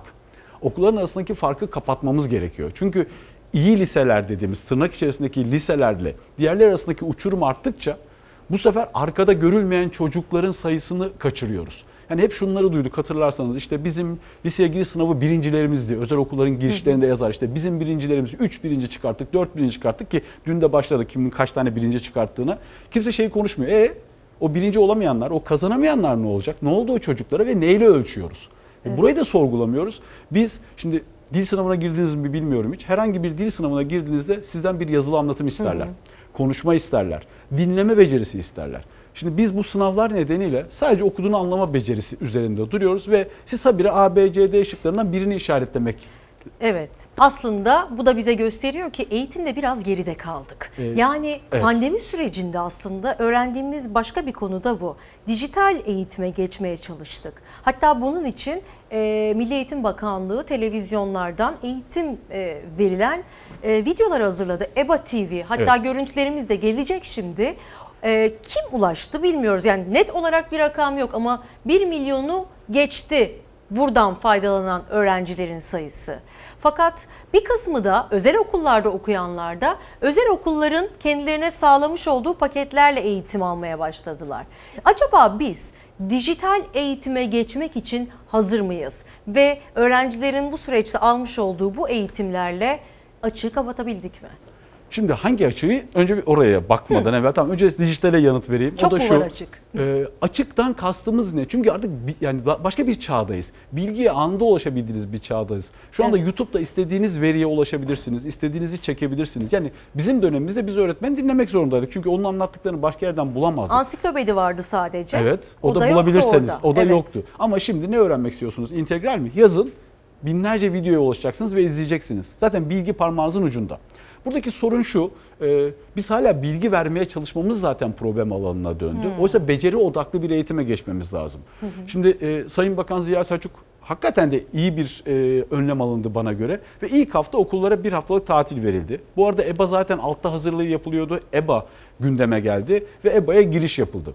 Şimdi bu güzel. Ama eğer biz eşitlik istiyorsak herkesin eşit şartlarda e, hamle yapmasını isteriz. Şimdi dediğiniz gibi kimi çocuklar, yani örnek vereyim mevsimlik tarım işçilerin çocukları yapamadılar, alamadılar o eğitimi. Evet. Ya da boş verin o eğitimi. Pandemi bir korku süreci. Yani salgın, e, birileri hastaneye kal- kalkıyor. Demin ki konunuz entübe diyor. İşte bunlar önemli kavramlar ve psikoloji doğal olarak bozuluyor. Çocuklar Çocuklar için tatil değildi. Belki ilk hafta güzeldi. Ya okullar ne güzel kar tatili gibi evdeyiz diye. Sonra ikinci hafta, üçüncü hafta ben niye çıkamıyorum demeye başladılar. Tam bu dönemde öğretmenin dokunuşu önemli. E o zaman özel okullar bir anda e, fark yaratmaya başladılar. Çünkü farklı platformlardan çocuklarla online e, pardon çevrim içi görüşmelere başladılar. Evet. Çocuk yalnız olmadığını hissetti. O dersler, videolar, içerikler inanılmaz ve etkileşim var. Şimdi eğitimdeki en önemli şey etkileşim. Ee, burada televizyondan izlediğinizde bir etkileşim yok. Mesela seyirciler şu anda etkileşmiyoruz. Biz sadece konuşmuyoruz, diyalog kurmuyoruz ama e, face to face yani yüz yüze Evet. konuştuğumuzda öğretmenine soru da sorabilme imkanına sahip ama bunun için de internete herkes erişebiliyor mu diye E İşte e, burada yapılması gereken olabiliyor. tam da bu cümleniz aslında. Ee, Böylesi bir ortamda herkes için internet ve kotasız internet çok değerliydi. Bence burada e, destek ol- olundu bunu biliyorum ama yeterli değildi. Herkes için tablet bu önemliydi. Yani her öğrencinin bilgiye ulaşabileceği, online içeriğe ulaşabileceği bir alan gerekiyordu. İnternetli bir tablet olması gerekir Mutlaka. diyorsunuz. Yani ama her öğrenci için. Yani özel okulda okuyan öğrencilerin şartlarıyla e, Ardahan'ın bir köyünde okuyan çocuğun Evet. şartlarını eşitlemek zorundayız biz ülke olarak. Çok önemli bir konuya parmak bastınız. Çünkü sizden önce e, bir tıp doktorunu ağırladık ve pandeminin e, tekrar etme sürecinin Eylül-Ekim aylarına gelebileceğini bilgisini verdi. Tabii bu da okulların açıldığı döneme denk geliyor. E, Böyle olursa şayet okullar yeniden e, uzaktan eğitime geçerse biz bu sınavı yeniden verebilir miyiz? Çünkü yeteri kadar dijitalleşemedik. Her çocuğun elinde bir tablet yok. Yok. Ee, şimdi ilerledik. Çevrim içi olarak ilerledik. Gerçekten de çevrim içinin değerini fark ettik ülke olarak. Ya oluyormuş, uzaktan bağlanılabiliyormuş, kimileri anlatılabiliyormuş. Bu güzeldi. Birçok öğrencimizin teknolojik e, okur yazarlığı çoğaldı bu süreçte. Hı hı. Öğretmenimizin de aynı şekilde. Çünkü herkes bir anda yakalandı. Kimse hazır değildi buna. Ama orada tam da esneklik dediğimiz, e, uyum dediğimiz beceriler ortaya çıkmaya başladı. Bu güzel. Eğer Eylül-Ekim'de bizi böyle bir süreç beklediğinde şu anda Milli Eğitim de hazırlanıyor. Özel okullar da hazırlanıyor. Karma eğitim modeli. Yani e, derslerin bir kısmı yüz yüze ilerleyecek. Evet. Bir kısmı da e, çevrim içi ilerleyecek. Hmm. Ki aslında ters yüz edilmiş sınıflar diye bir model var. Çok önemli bir eğitim sistemi. O da şu. Sizin tek başınıza yapabileceğiniz şeyi sınıfta size anlatmama gerek yok. Örneğin bir makale okuyacaksınız ve arkasından o makale üzerine tartışacağız. Ben makaleyi size önceden gönderip okuyabilirsiniz. Sonra yüz yüzeyken tartışabiliriz. Yani işin bireysel yapılabilecek kısmını eve yönlendirmek, işin yüz yüze yapılması gereken e, üst düzey e, kazanımlar dediğimiz, üst düzey bilişsel kazanımlar dediğimiz işi sınıfa taşımak çok önemli. Yani Milli Eğitim Bakanlığı şu anda olası bir e, virüs tekrarlaması halinde böyle bir plan uygulama düşüncesinde olabilir. Olabilir çünkü şey altyapı hazırlıyorlar bunu biliyorum tartışıyorlar ne yaparız diye herkes tartışıyor. Ama burada tek bir tavsiye o da şu e, çoklu aklı devreye sokmak lazım. Hani şu biz yaptık oldudan çıkıp ne oluyor kim ne yaptı bu dönemde mesela iyi uygulama yapan kimlerdi? E, çünkü iyi uygulama yapan okullar var Hı hı. hakikaten de yani e, çocuklar mutlu keyifli Evet. öğrenme yoksunluğu yaşamadan süreci bitirdiler. Özel okullar örneğin. Kimi özel okullar. Hı hı. Bütün özel okullar diyemem. Kimi özel Evet. okullar bunu çok iyi sağladı ya da kimi idealist öğretmenler. Yani şunu biliyorum telefonla her gün tüm öğrencilerin listeden arayan, nasılsın diyen, WhatsApp'tan ödev gönderen öğretmenler biliyorum. Şimdi bunlar bir emek. Şimdi burada e, oraya ulaşmak ve o öğretmenleri çağırmak ve çoklu akıl. Ne yaptınız ne iyi gitti. Nasıl oldu? Çünkü biz Türkiye olarak yaşamadık. Tüm dünya yaşadı. Hı hı. Hani biz eğitimde öne çıkmaya çalışıyoruz ülke olarak. Aslında bu bir fırsat. Bazen kriz, krizler iyi fırsatlardır. Biz bunu fırsata çevirebilirsek gerçekten de Türkiye'nin önünde bir iğme kazandırabiliriz ama ya olduk, yaptı, bitti, harika oldu, alkış, e, bravo. Hı hı. Bunları çok seviyoruz. Halbuki eleştirmek, derinlemesine düşünmek, biraz daha e, çocuk yararına Yapıcı ne yapabiliriz? eleştirilerden bahsediyoruz. Evet, tabii ki yapıcı. Bir şey daha sormak istiyorum. Ee, bu da aslında hem ekonomiyle bağlantılı hem eğitimle bağlantılı. Özel okullara, özel okullarda e, çocuğu eğitim gören velilerin şöyle bir e, çıkışı vardı aslında. E, şu anda biz eğitim görmüyoruz okulda ama ödemeye devam ediyoruz. Aynı şey servis okul ücretlerinde de oldu. Diyelim ki Eylül ve Ekim ayında bizler daha e, yani yarı zamanlı e, yüz yüze eğitim alma yoluna gireceğiz ve sürekli olarak okula gitmeyecek çocuklarımız. O zaman da e, özel okul fiyatlarındaki durum aynı kalır mı? Yani ödemeler aynı olur mu ve bu ekonomiyi hem velilerin penceresinden hem de bizim genel ekonomimiz penceresinden acaba nasıl etkiler? Güzel soru. O pencereden önemli bir soru. Şimdi e, benim de bir kızım var. Hı hı. ve Online eğitimle gitti bu süreçte. E, ki e, okul ücretini ödemeye devam ettim doğal olarak. Çünkü okulların, özel okulların e, giderlerinin büyük kalemi ki %60'a varır bu kalem öğretmen ücretleridir, e, maaşları, Evet. sigortalarıdır. Şimdi bu döngünün dönmesi lazım. Nasıl ki ekonomiyi durduramadık bir anda. Çünkü e, ekonomide bir döngü gerekiyor. Özel okulculukta da böyle. Aynı mantık. Yani siz okul ücretlerini ödemediğinizde okullar öğretmenlerin ücretlerini ödeyemeyecekler. Bu da işten çıkartmalara ki bu alan zaten sıkıntılı bir alan biliyorsunuz Hı hı. arz talep dengesi yüzünden. Çok düşük ücretlerle çalışan öğretmenler var. E, çünkü e, atanamayan bir sürü öğretmen var. E, burası iyice dengesiz bir hale alacak. E, burada e, özellikle özel okulculuk alanında zaten bir emek var ortada. Online buluşmalar var. Bir de dijital hazırlık çok daha zor. Normalde sınıfa girdiğinizde, ben öğretmenlikten geliyorum, sınıfa girdiğinizde doğaçlama gidersiniz, her şey iyidir, keyiflidir. Az bir çalışmayla içeride iyi işler yaparsınız ama evlere konuk oluyorsunuz online'da.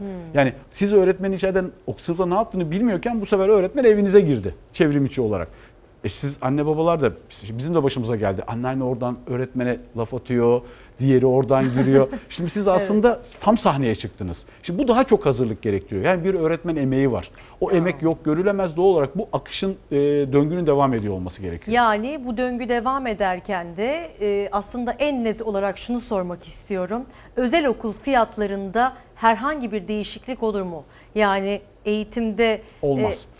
Neden olmaz? Çünkü e, yükselir mi fiyatlar? yok yani belirli oranlarda yükselir. Yani normal her seneki oranlara göre yükselir. Düşme de olmaz diyorsunuz. Düşme de olacağını düşünmüyorum çünkü siz veliye bir zam yapıyorsunuz. E doğal olarak bunu öğretmene de yansıtıyorsunuz. Siz veliye yaptığınız zammı öğretmene yansıtmazsanız orada bir sıkıntı var demektir ama öğretmene yansıttığınız sürece sorun yok. Yani Hı hı.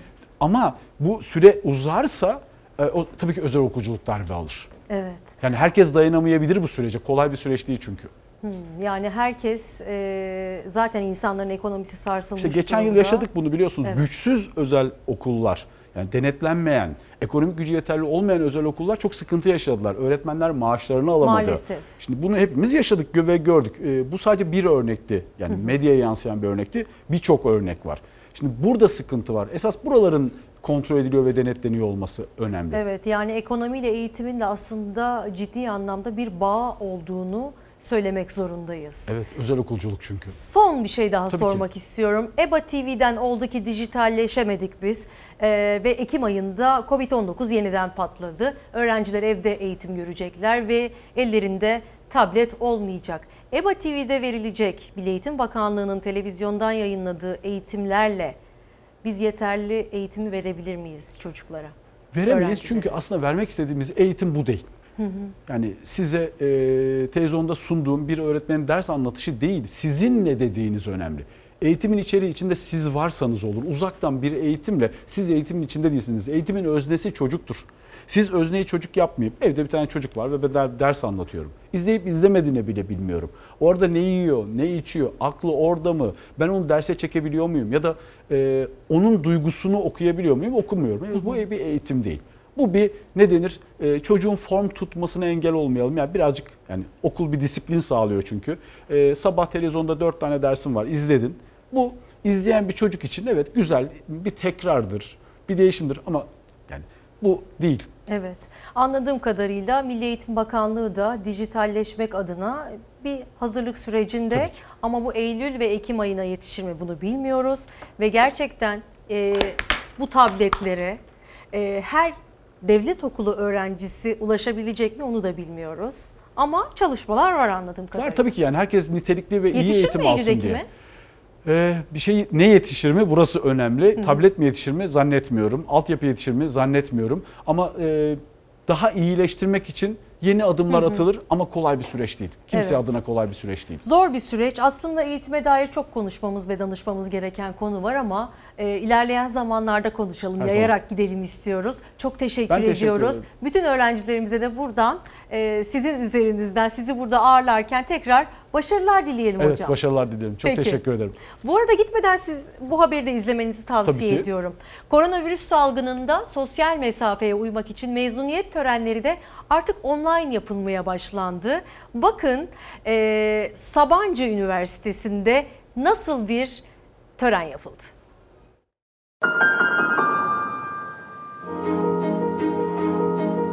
Biraz buruktu ama unutulmazdı. Covid-19 salgını nedeniyle üniversite öğrencileri online mezuniyet töreni yaptı. 2020 mezuniyet törenini unutulmaz yaptığımıza inanıyorum. 2020 mezunları da şunu kabul etsinler ki hiç unutulmaz bir mezuniyet törenleri oldu ve buna bugüne kadar olandan ve bugünden sonra olacak olan tüm mezuniyet törenlerinden de ayrıcalıklı bir mezuniyet töreni oldu. Üniversite olarak online yani internetten yapılan törenlere yabancı değiller. 23 sene önce temel atma töreninde online yapılmıştı Sabancı Üniversitesi'nin. Bu kez de online mezuniyet töreni düzenlendi. 950 öğrenci mezuniyet heyecanını ekran başında aileleriyle birlikte yaşadı. 20 yıllık geçmişinde birçok ilki başarmıştır üniversitemiz. Bugün de yine öncülük yapıyoruz. Sabancı Üniversitesi'nin mezunları içinde ayrıcalıklı yerinizi sıra dışı ve unutulmaz bir şekilde alıyorsunuz.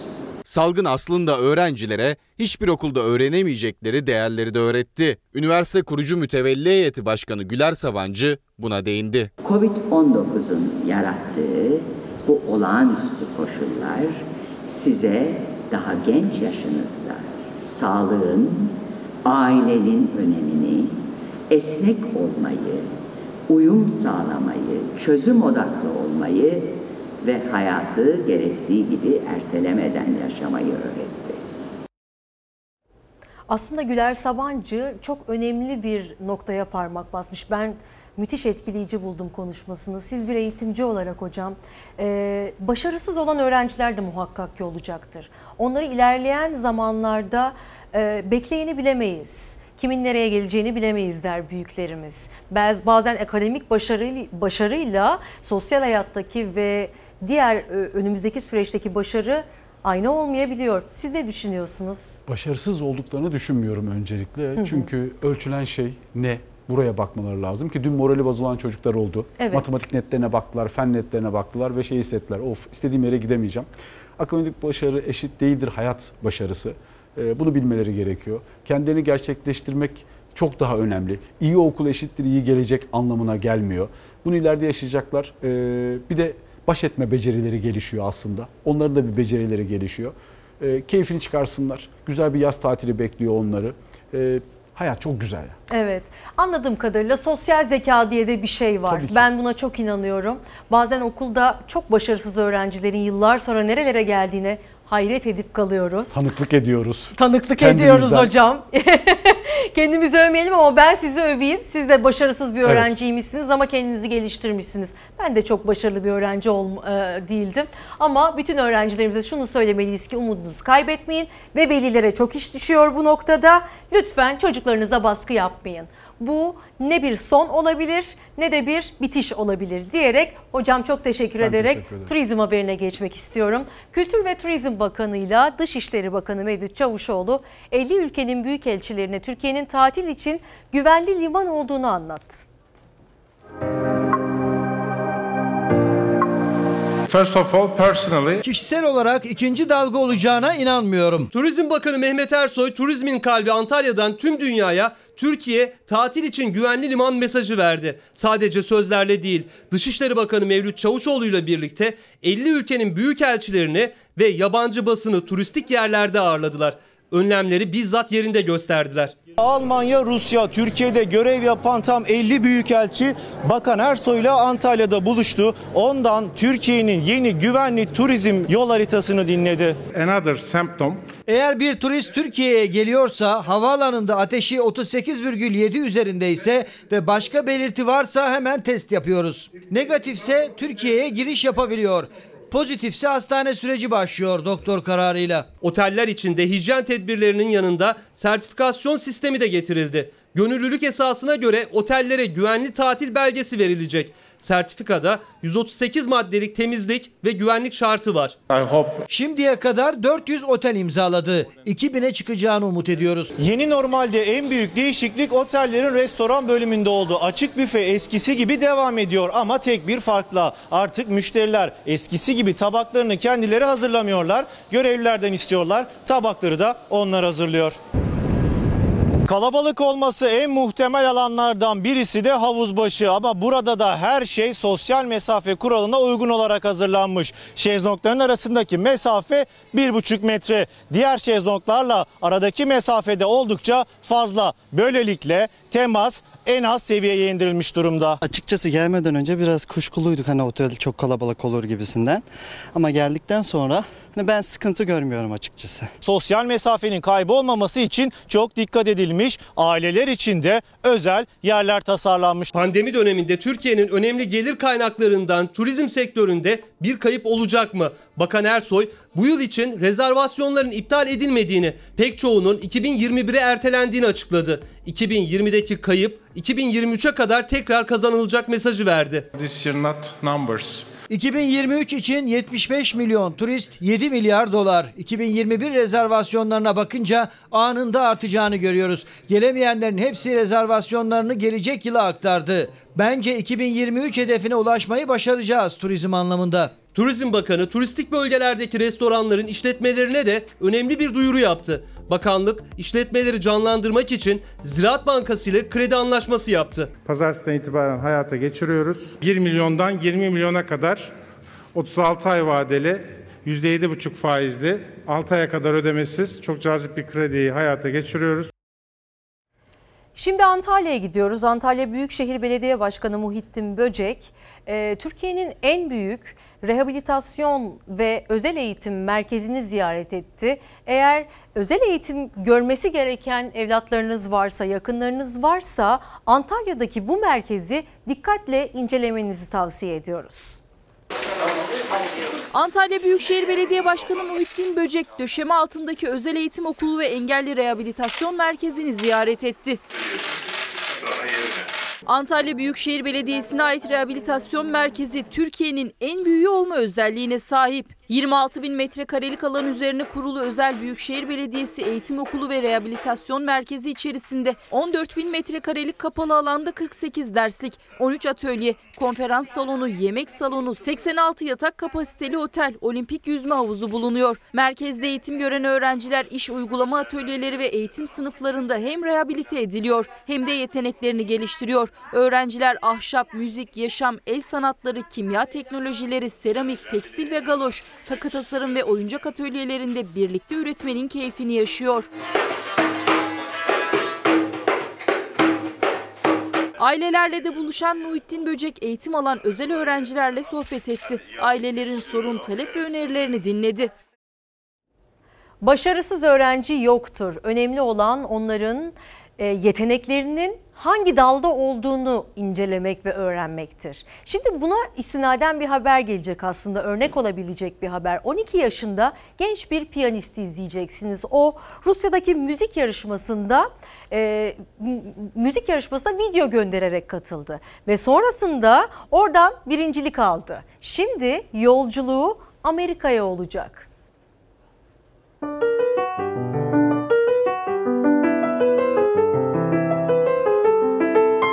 Piyanonun başına geçti, çektiği videoyu gönderdi, jüriyi büyüledi. 12 yaşındaki piyanist dünyanın en prestijli yarışmalarından birinden Rusya'dan Türkiye'ye birincilik getirdi. St. Petersburg Uluslararası Piyano Yarışması'na video göndererek katıldım. Kendi yaş kategorimde birinci olduğumu öğrendiğimde ise çok mutlu oldum. 12 yaşındaki genç piyanist Can Saraç, Rusya'da düzenlenen St. Petersburg Piyano Festivali'nin Young Stars kategorisinde birinci oldu. Pandemi nedeniyle video gönderilerek yapılan yarışmada Beethoven'ın 10 numaralı sol majör piyano sonatını çalan Saraç, 2021'de St. Petersburg'da gerçekleşecek olan büyük finalde yarışmaya hak kazandı. Bu yıl maalesef pandemi sebebiyle bildiğimiz gibi tüm sanatsal faaliyetler ertelendi veya iptal oldu. Can Saraç, Classical Music Awards International Competition'da solo ve duo piyano olmak üzere iki kategoride birden birincilik kazanarak aldığı davet üzerine Kasım ayında New York'un meşhur Carnegie Hall salonunda resital verecek.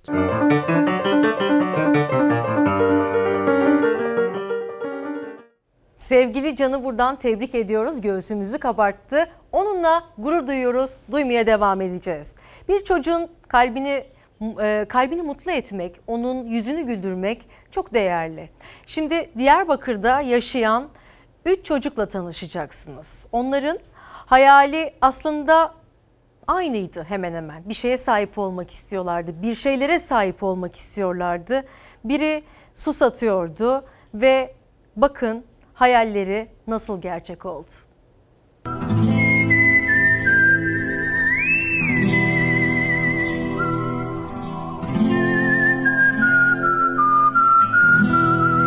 Üçünün de tek bir hayali vardı. Bisiklete binebilmek. Biri boyacılık yapıyor, diğer ikisi su satıyordu hayali gerçek olsun diye. Hiç beklemedikleri bir anda, hiç unutamayacakları bir şekilde hayalleri gerçek oldu.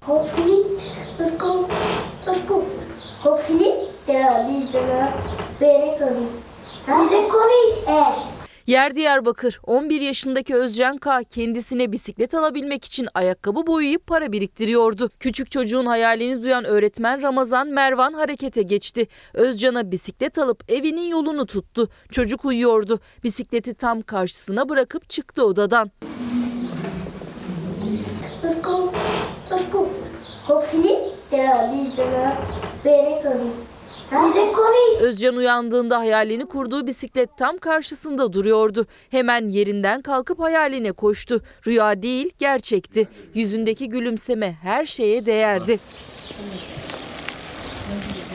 Yine Diyarbakır'da iki çocuğun bisiklet hayalini bu kez kendilerine Çocuklar Üşümesin platformu ismini veren bir grup gerçekleştirdi. Su satarak hayal kurdukları bisikleti almak isteyen Ali ve Mustafa'nın yine su sattıkları bir gün eşyalarını bıraktıkları yerde bir bisiklet duruyordu. Tam istedikleri gibiydi. Onların olduğunu öğrendiklerinde dünyalar iki arkadaşın oldu. İşte çocukları mutlu etmek aslında bu kadar kolay. Sadece biraz daha e, algımızın açık olması gerekir. Çevremizde bir şeylere ihtiyacı olan özellikle çocuklar için e, geçerli bu. İstedikleri hayalleri gerçekleştirebilmek için belki onların çok uçuk hayaller gibi gelebilir onlara ama bizim için çok kolay olabilir. E, lütfen bu konuda husus bu hususta çok dikkatli olalım ve yardımlaşmanın da değerini anladığımız bu süreçte çocukların yüzünü güldürmeyi de ihmal etmeyelim. Çünkü şu sözü de hatırlatmak istiyorum. Bizim için çok değersiz olan bazı eşyalar onlar için çok değerli olabilir. Başkasının çöpü ba- senin çöpün başkasının hazinendir diye bir söz vardır. Bunu da paylaşmak isterim. Belki beynimize kazanır ve ulaşamayanlara ulaştırırız istediklerini. Şimdi reklama gidiyoruz efendim. Bir hafta sonu daha geride bırakıyoruz. Bugün babalar günüydü. Şehit ve gazi babalarını lütfen ihmal etmeyelim ve unutmayalım. Hüznünüzü kalbimizde hissettiğimizden şüphe olmasın. Babalar günü kutlu olsun. Eğer dargınsanız en azından bir telefon açabilirsiniz babanıza ya da evladınıza. Efendim haftaya görüşmek üzere. Yarın sabah İsmail Küçükkaya sizlerle birlikte olacak. Akşam ana haberde tüm gelişmeleri takip edebilirsiniz.